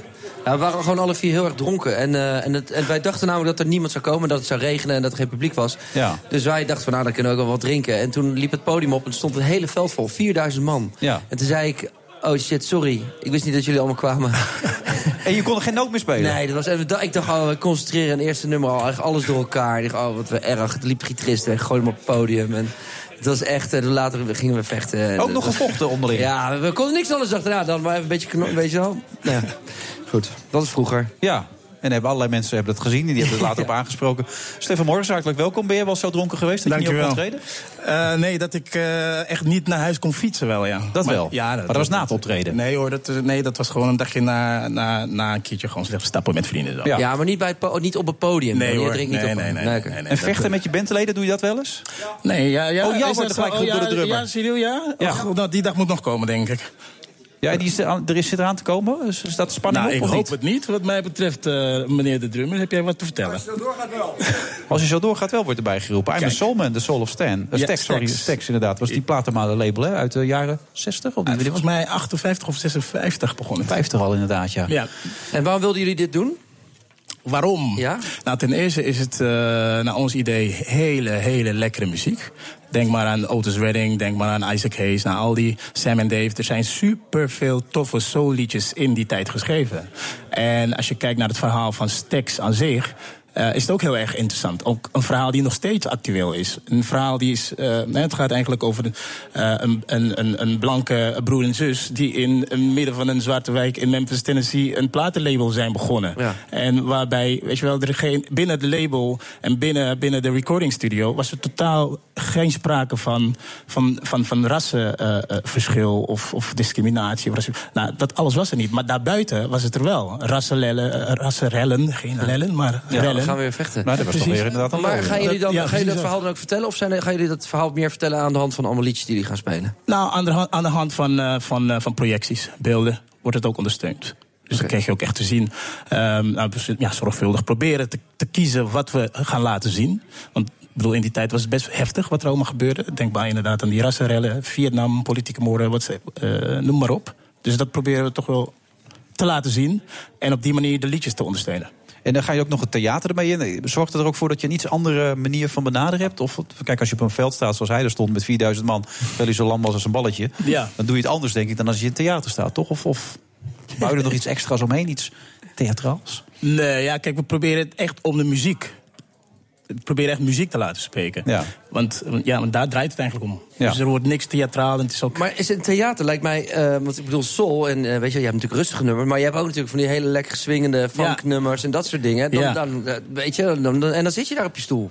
Nou ja, dat is juist Staan mag toch, of niet? Opstaan. Staan mag. En Ja. sterker nog, er zijn showcases waarbij ehm, eh, showreviews van de Stax-artiesten gegeven worden in Parijs. En dan zitten ze ook in het theater. Maar dan zie je al na het tweede liedje, waarbij Sam en Dave optreden. Nou ja, Sam en Dave, dat zijn echt twee van die raggers, zoals je het echt noemde, eh, noemde zojuist. De raggers, ja. Raggers. Eh, eh, het is aan en gaan. En dan zie je ook dat het hele publiek gaat staan. Dus ja, dus het, is, het is zitten. Maar ik, ik, ik zou wel willen hopen dat we ook zo'n soort sfeer gaan Ik, ik bereiken. hoop het ook. Het lijkt me ook frustrerend als iedereen maar blijft zitten. Dat je denkt, Ja, nee, hè? God, Ja, nou ja, we zien het wel. Ik denk dat het, eh, ik denk dat, ik denk dat het wel snel zal omslaan. Ja. Ja, Stefan Ja. Morris, we hebben het ook niet gehad over andere dingen die je in het verleden hebt gedaan. We hebben het echt heel op geconcentreerd. Dat vind je fijn, hè? Dat dit nu jouw verhaal is, toch? Dit wil je als je verhaal uitdragen. Nou, dit is een van de dingen die ik doe. Ik heb Ja. daarnaast ook een eigen EP uit. Ook nog. Ja. Wil je er iets over kwijt? Nou ja, Just Another Man, die is 9 september uitgekomen. Zo. Ja. Is het een goeie? Het is een steengoed. Hele goeie, hè, heb ik Ja. gehoord. Ja, zou wat zeggen, wat zijn, hij dan zegt, nee, hij is En dan eigenlijk niet precies. Nee, maar dat, daar zit ik nog steeds op te wachten. Hè, dat dat gebeurt een keer. Dat mensen, nou, ik nou eraf lijkt helemaal. Maar vanaf 17 november, het eerste theateroptreden dan, Castellum in Alphen van der Rijn. En dan ga je er helemaal los daarna. Ja. Heb je ook een website waar je nog even op na kan kijken? Want het, eh, Legendsofmusic.nl. Oké, en de mannen die je mee hebt gebracht, wie zijn dit? Nou ja, Cyril je- op, op drum eh, en ehm, Michael op eh, trompet. En we hebben vandaag een nieuwe vervangende toetsenist. Darius. Ja, op waarvan je de naam niet meer wist. Maar goed, dat maakt verder niet uit. Ja, heel goed. Nou, ik zou zeggen, Stefan, ga lekker staan. Knal het eruit. Welk nummer ga je brengen eigenlijk? Nu gaan, nu gaan we Hard to Handle spelen van eh, Otis Redding. Otis Redding, dames en heren. Nou, dak kan eraf hier in het uh, Stadion. Want ze zijn er helemaal klaar voor Soulman, de Soul of Text. Gaat u naar luisteren, dames en heren. Geef ze een applaus. Hier gaan ze.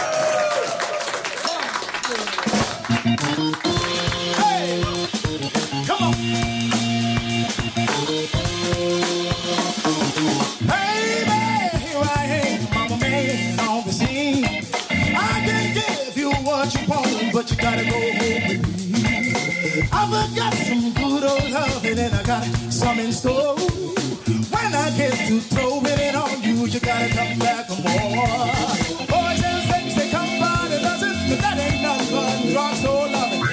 Little thing, let me light your count, cause mama, I'm so hard to handle now, it's around.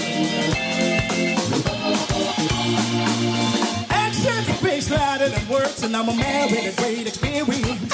I know you got you another man, but I can love you better than him. Save my hand and don't be afraid. I want to prove every word I say. I'm advertising love for free, and I want you to place your ad with me. Boys and things, they come by your dozen, but that ain't nothing but sense loving. Pretty little thing, let me light your candle, cause mama, I'm so hard to handle now. Yes, it's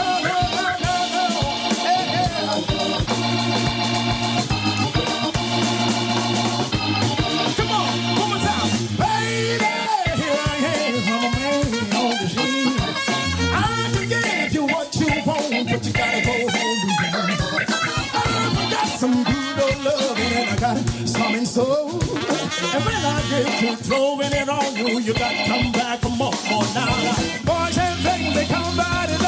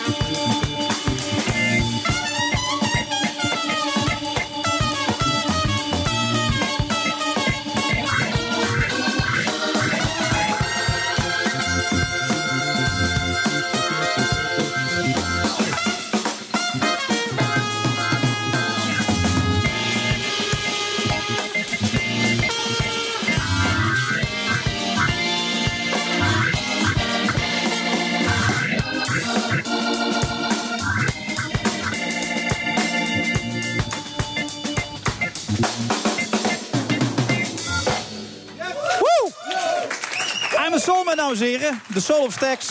Binnenkort een eh, theater bij u in de buurt. Dat zong even als een kameeltje, dit. Was lekker, hè? Ja, ja, ik moet ook heel erg lachen op Cyril. Die gaat dat zelf heel hard. Ja, dat was jij niet. Oh, dat was jij niet. Oh, dat waren de mensen, ja. De mensen weten dat niet, en dan heb je het verknald. Oh ja, sorry. Ja, Die ik denken dat het allemaal mensen... Woe! Ja, nee, ik, nee, hallo, al die andere vrouwen die heb ik niet gezegd. Die stonden ook. eh Ja. BH's boven hun hoofd. Dat zag je ook niet. Ja, nee, dat zag ik wel. dus hebben ze inmiddels alweer... eh nou, maakt verder ook niet uit. Eh, dat loopt hier een beetje uit de hand, dames en heren, in het Kyocero Stadion. We gaan er even snel uit zo voor de Je reclame. zegt het nu wel goed, hè, Kyocera, Daniel. Je Ja. het voor het eerst. Het is de hele Kyocero. Je dat? Ja, dat dat hoorde ik inderdaad. Maar is, is het geen Kyocero dan? nee, nee. Is het Kyocera? Ja. Ja. Wist je dat niet? Sowieso een klote naam. ja, bedankt. Tot zo na de reclame. Dag.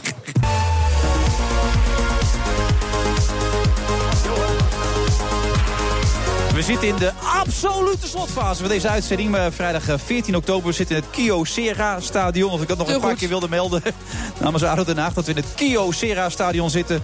En eh, we gaan zo natuurlijk nog doorpraten over alles en nog wat eh, met eh, Dennis Ween. Die hebben ontzettend veel tijd van. We gaan eerst naar Rob Jansen toe. want Die gaat zo meteen Burstwatch presenteren. Rob, wat zit erin? Eh, we gaan inderdaad eh, met Han Dieperink van de Rabobank... en Koen Bender van Mercurius Vermogensbeheer praten over... onder andere de cijfers die afgelopen week zijn gekomen... van Unilever en TomTom. Die zijn door beleggers niet... positief ontvangen. En vandaag kwamen er ook een aantal grote Amerikaanse banken aan. Wat vinden zij eh, daarvan? En hoe kijken zij uit naar de cijfers van ASML? Komt volgende week. Intel, Netflix, noem maar op. Veel, te veel om op te noemen. Ook nog, niet vergeten, het debat volgende week tussen eh, Trump en Clinton. Ehm, die kruisen dan weer hun eh, degens. En hoe kijken zij als analisten daar tegenaan? Wat biedt dat voor kansen of risico's voor beleggers? En aan het eind van de uitzending geven de heren ook nog een beleggingstip. Nou, dat wordt een topshow, dat kan haast niet anders. We gaan nog heel even door hier met onze man naast mij, Dennis Wening. Dennis, er waren nog allemaal prangende vragen, maar met name de redactie, met name één iemand, ik zeg het gewoon, de eindredacteur, die zei, hij heeft dat met Shakira gehad. Vraag nog even hoe dat zit. Is dat zo? Eh, Jezus, wie vroeg dat? Nee, dat zei dat vroeg Ja, onze eindredacteur. Ja, die nee, wilde ja, het heel dat, graag ja, maar dat is zo'n oud verhaal. Ja, maar dat is wel niet. waar. Ja, nee, dat is wel waar, ja. En wat voor prangende vraag had je nog meer? Nou ja, dat, dat vond ik toch wel heel bijzonder. Dat vond je niet bijzonder? Nee, natuurlijk wel. Nee, nee, absoluut. Maar het, is, eh, het, is, eh, het was op de MTV Awards in Portugal. Was het een hele, was een hele bijzondere avond. Ik had er een goede chemie met eh, Shakira. Ja, maar bel nog wel eens met haar? Nee, het- nee, nee, dat is allemaal over. Ik weet niet, eh, op de een of andere manier eh, is, dat, eh, is dat toch voorbij gegaan. Heel wat jammer. met die voetballen nu, toch, van Barcelona? Dat is zij toch, die? Ja, ja. Ja. Hoe heet die ook weer? Eh, hoe heet die voetballer? Piqué, toch, dacht ik? Piqué, ja. ja, Ja, Piqué, ja. Piqué. Ja, die was ook behoorlijk uh, gepikeerd. Ik ben, ik ben een pleaser en dol op aandacht. Was getekend Dennis Wening. Ja, is dat zo sterk bij jou? Nee, nee ja, dat valt wel mee. Maar ik, ik merk gewoon wel voor, aan mezelf dat als ik ergens ben... en eh, weet je wel, stel je voor, je komt binnen op een uh, verjaardag, suf feestje, weet ik wat dan ook. En jij kwam nooit op En dan vind ik, hè, nee, je bij wijze van 23e. spreken... Ja. nee, maar, maar als ik ergens binnenkom, dan wil ik wel, vind ik het zonde van mijn tijd... dus wil ik het wel gezellig maken. En als ik dan zie, iemand zie en dan denk ik van... ach joh, zet dat plaatje aan, dan is het leuk of zo, weet je. Of Maak het even Jij probeert de sfeer een beetje te maken. Jij gaat de sling- jij hangt de slingers op. Jij hangt de slingers op. Ja, ik ben een, ja, de slinger, ja. En ik uh, takels ook weer af. Ja, dat ben ik. Maar eh, Dennis, ik ga nooit naar huis toe. eh, die, die ben je niet meer, of nog wel? Nou, jawel. Nou ja, nee, niet, nee, dat kan natuurlijk niet meer. Ik bedoel, als je een kleintje hebt, we hebben een kleintje van anderhalf, dan gaat het niet altijd. Maar als er een keertje uit logeren is, dan wil het nog wel eens te laat worden. Dus daar ben ik blij mee. Oké. Nou kan het heel goed zijn dat mensen later inschakelen en zeggen... Dennis Wening, waar ken ik die gozer nou ook alweer van? Ja. Waar, waar kennen we jou van?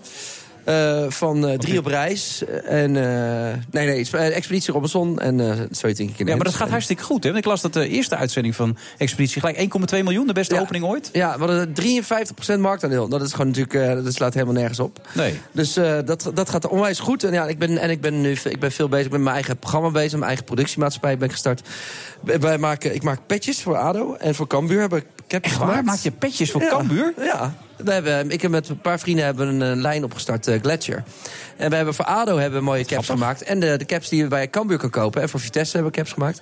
We, hebben, ma we maken wat mooiere, stylish caps voor voetbalclubs... die je ook buiten het stadion durft te dragen. Want die voetbalpatches zijn natuurlijk echt super lelijk altijd. Dus nu hebben we gewoon echt toffe uh, caps maar, gemaakt. maar wat is precies je ambitie dan? Want je was natuurlijk ooit die rocker. Op een gegeven moment heb je jezelf dan uit, opnieuw uitgevonden als presentator. Maar ook met dingen die je niet van jezelf had verwacht. Met het uh, So You Can Dance, dat soort Ja. dingen enzovoort. Want je bent niet echt een danser, heb je van jezelf al gezegd. Ondanks het feit dat je met mijn vrouw hebt staan slowdansen. Maar dat dan weer geheel terzijde. Maar dat ben je niet echt. Maar wat, wist je, wat is dan je droom? Wat zou je echt graag willen dan? Nou ja, ik, ik wil gewoon uh, altijd mezelf uitdagen, denk ik. En ik uh, bedoel, ik had nooit verwacht vroeger dat ik vroeger toen ik heel klein was, wilde ik boswachter worden. Boswachter? Uh, ja, dus daarom, dat was ook een heel raar ding. Dat is natuurlijk gewoon snel overgegaan. Maar dat ik presentator zou worden, was voor mij net zo gek, zeg maar. En Ja. uh, dat ben ik nu wel. En, en nu ben ik gewoon iemand die graag dingen wil uitproberen en mezelf wil blijven uitdagen en wil blijven groeien. Maar de, wisseling in programma's is behoorlijk groot qua wat inhoud en, en, en vorm en ook Ja, genre. maar ja, dat heb je natuurlijk. Ja, je, je zit onder contract bij RTL 5 en die, eh, die, die hebben een heel breed palet aan programma's. Dus het kan ineens zijn dat ik een eh, programma maak over mensen die met hele rare eetstoornissen Maar heb of er in? slaapstoornissen. Is, En, is eh, het, kan het zo zijn dat je dingen opgelegd krijgt die je misschien helemaal niet wil doen? Zo werkt het wel, in contractueel. principe zou het kunnen, maar ik heb het gelukkig tot nu toe niet gehad. Want ik, ze weten ook nu wel waar, waar ik heen wil met mezelf. En, en dat ik ook wel nee zeg tegen bepaalde programma's. Maar de pain game en zo, dat soort dingen, dat past ook echt bij jou. Nou ja, kijk, er snijden wel gelijk weer eentje aan. Maar dat, Ja. dat, dat Pain Game was wel inderdaad een, een programma waar ik af en toe... eh, ja, dat, ik vond het, sommige dingen vond ik heel leuk. Ja, sommige dingen vond je super gênant En ook. sommige dingen vond ik super gênant. Pindakaas ja. likken bij de, in Ja, de dat vond ik van een vreselijk. zwerver Ja, dat vond ik vreselijk, ja. Ja. Maar dan, Maar moet je, dan moet je even door. Dan denk ja, je maar thuis, het goede is, kijk, ik zeg het wel van tevoren ook tegen, weet je, de, tegen de mensen die het programma maken. Zo van, ja, ik vind het helemaal niks. En dat ga je dan ook zien aan mijn gezicht. En dat zie je dan ook. En sommige dingen vond ik wel heel grappig. En dan lig ik in een deuk. En ik denk dat de kijker dan ook meegaat. En als ik daar een beetje eh, raar sta te kijken, dat de kijker ook denkt, oh jee, wat ongemakkelijk dit. Dus eh, ik doe nu alleen maar programma's waar ik achter sta. Je bent nu 39. Je, je zei ook in een interview van... ik heb natuurlijk veel meer geld om in een andere wijk te wonen... maar ik wil graag in deze wijk wonen waar ik in Den Haag woon. Want je bent in hart en ziel? Een Hagenees. Ja? Ik heb hier mijn Haagse ooievaar ook getatoeëerd op mijn arm. En eh, ja, ik ben echt een Hagenees. En ik vind het ook eh, ik vind het leuk. Mijn, ik kom uit de straat, de Anton Haanstraat, waar heel veel kinderen wonen. Ik de hele dag buiten speelde. En mijn dochtertje die groeit nu op, ook in zo'n straat waar heel veel kinderen spelen. Al haar vriendinnen wonen. En, die, dus, ja, en ik wil het haar niet aandoen om dan toch maar ergens anders te gaan wonen. Je bent eigenlijk een hele lieve, warme man, hè, als ik je zo hoor. Eigenlijk wel. Ja. Dat hele stoere imago is langzaam maar Ja, zeker het maakt me echt geen reet uit, maar dat imago, Nee? weet je? Nee. Die tattoos kunnen er ook af, hoor, wat dat betreft, Ja, toch? ja. Nee, die Gewoon kunnen- allemaal nee. weglezen. Nee, dat blijft allemaal wel zitten, hoor. Dat gaat Ja? er niet meer af, ja. Maar gewoon een trotse vader Heb jij een tatoeage eigenlijk? Nee, dat heb ik niet. Maar dat had je ook niet verwacht, neem ik aan van mij, Nee, ja, daarom had me Ja. leuk geweken. Dat je ineens zo zegt, kijk, ik heb een dolfijntje mijn onderrug. Ja. Zo, dat is ja, toch wel ster op mijn kont. Nee, nee, Ja. ik heb helemaal niks inderdaad. Ik kan me wel verhalen herinneren, maar dat is weer een ander verhaal. Maar daar hebben we het andere keer over. Ehm, ik wil je ontzettend bedanken, Dennis. Ja, heel graag Vond het leuk dat je er was. Wat wordt het dit weekend? Eh, het eh, 2-0 voor ADO. Ah, echt waar? Ja joh, tuurlijk. Volle vertrouwen. Zo. Volle bak erin. Nou, je zit hier gewoon met je dochter, toch? Ja. Coco gaat mee? Ja, eh, ja zeker. Geweldig. Nou, wens ik je heel veel plezier. Succes met alle programma's, want volgens mij gaan er nog veel meer komen. Je hebt net voor twee jaar bijgetekend, dus we gaan nog een hele tijd van jou genieten. Eh, we gaan er volgende week weer eh, een eentje maken, althans ijs en natuurlijk. Dan zitten we met de Friday Move op het hoofdkantoor van New People op het Remeiland. Het schijnt een uniek moment te zijn. Tiental jaren geleden zijn er allemaal uitzendingen vandaan gekomen. Wij zijn de eerste die daar weer vandaan mogen komen op het Remeiland bij New People. Dus luister volgende week weer. Ik weet eigenlijk niet wie mijn co-host is, maar dat wordt nu al een feest. Dat kan niet anders. Tot dan. Dag. Dank u wel, voorzitter. Ik zal als eerste een reactie van de staatssecretaris willen vragen... op de onlangs eh, gepubliceerde cijfers vanmorgen via BNR eh, Nieuwsradio. Via BNR, via BNR eh, Nieuwsradio. Nieuwsradio. En daar zat ernstigere scheurvorming in dan in het andere deel. You need a smartphone that thinks big. Oké, dus dat is inderdaad wel een, een omritje waard, zeg maar. Samsung Galaxy Note 7. Het is een heel, heel eh, zorgelijk eh, ernstig signaal. Wij vinden eigenlijk dat het Koningshuis wel ietsje eh, soberder eh, te werk kan gaan. En ook met, daarmee ook met iets minder geld eh, toe zou kunnen. En daarom hebben we besloten eh, om de eh, productie en verkoop definitief te stoppen. Vertrouwt deze staatssecretaris zijn eigen belastingdienst nog? In de top 10 staat inmiddels ook Bob Dylan. Bob Dylan? Ja, daar wordt al jarenlang voor gelobbyd. His hands were all over me. He started encroaching on my space. You can do anything. Whatever you want. Grab him by the pussy. There's so many pussies around your presidential campaign on both sides that I prefer not to comment about. Ik heb mijn hele leven lang nagedacht over wat nou de bijzondere aantrekkingskracht van poezen is. Om de optredens van, eh, van Ronald McDonald in de restaurants in Nederland voorlopig eh, even niet te laten plaatsvinden. Half Europa staat in brand. Onze premier roept pleur op. Er was geen enkel stuk met een... Is dat heel dapper? Nee. Zag ik op dat moment andere mogelijkheden? Nee. formeel beschrijving van, van welke regeling dan ook. The Nobel Prize in Literature for 2016 is awarded to Bob Dylan. En daarom hebben we besloten eh, om de eh, productie en verkoop definitief te stoppen. Belangrijke nieuws is er niet. Dit was het. Goedemorgen. And with that, I just have two more words to say. Obama, Obama, Obama, Obama, Obama. De Friday Move wordt mede mogelijk gemaakt door Arend. Voor een slimme en gezonde werkomgeving. Hardlopen, dat is goed voor je. En Nationale Nederlanden helpt je daar graag bij. Bijvoorbeeld met onze digitale NN Running Coach... die antwoord geeft op al je hardloopvragen. Dus, kom ook in beweging. Onze support heb je. Kijk op nn.nl slash hardlopen.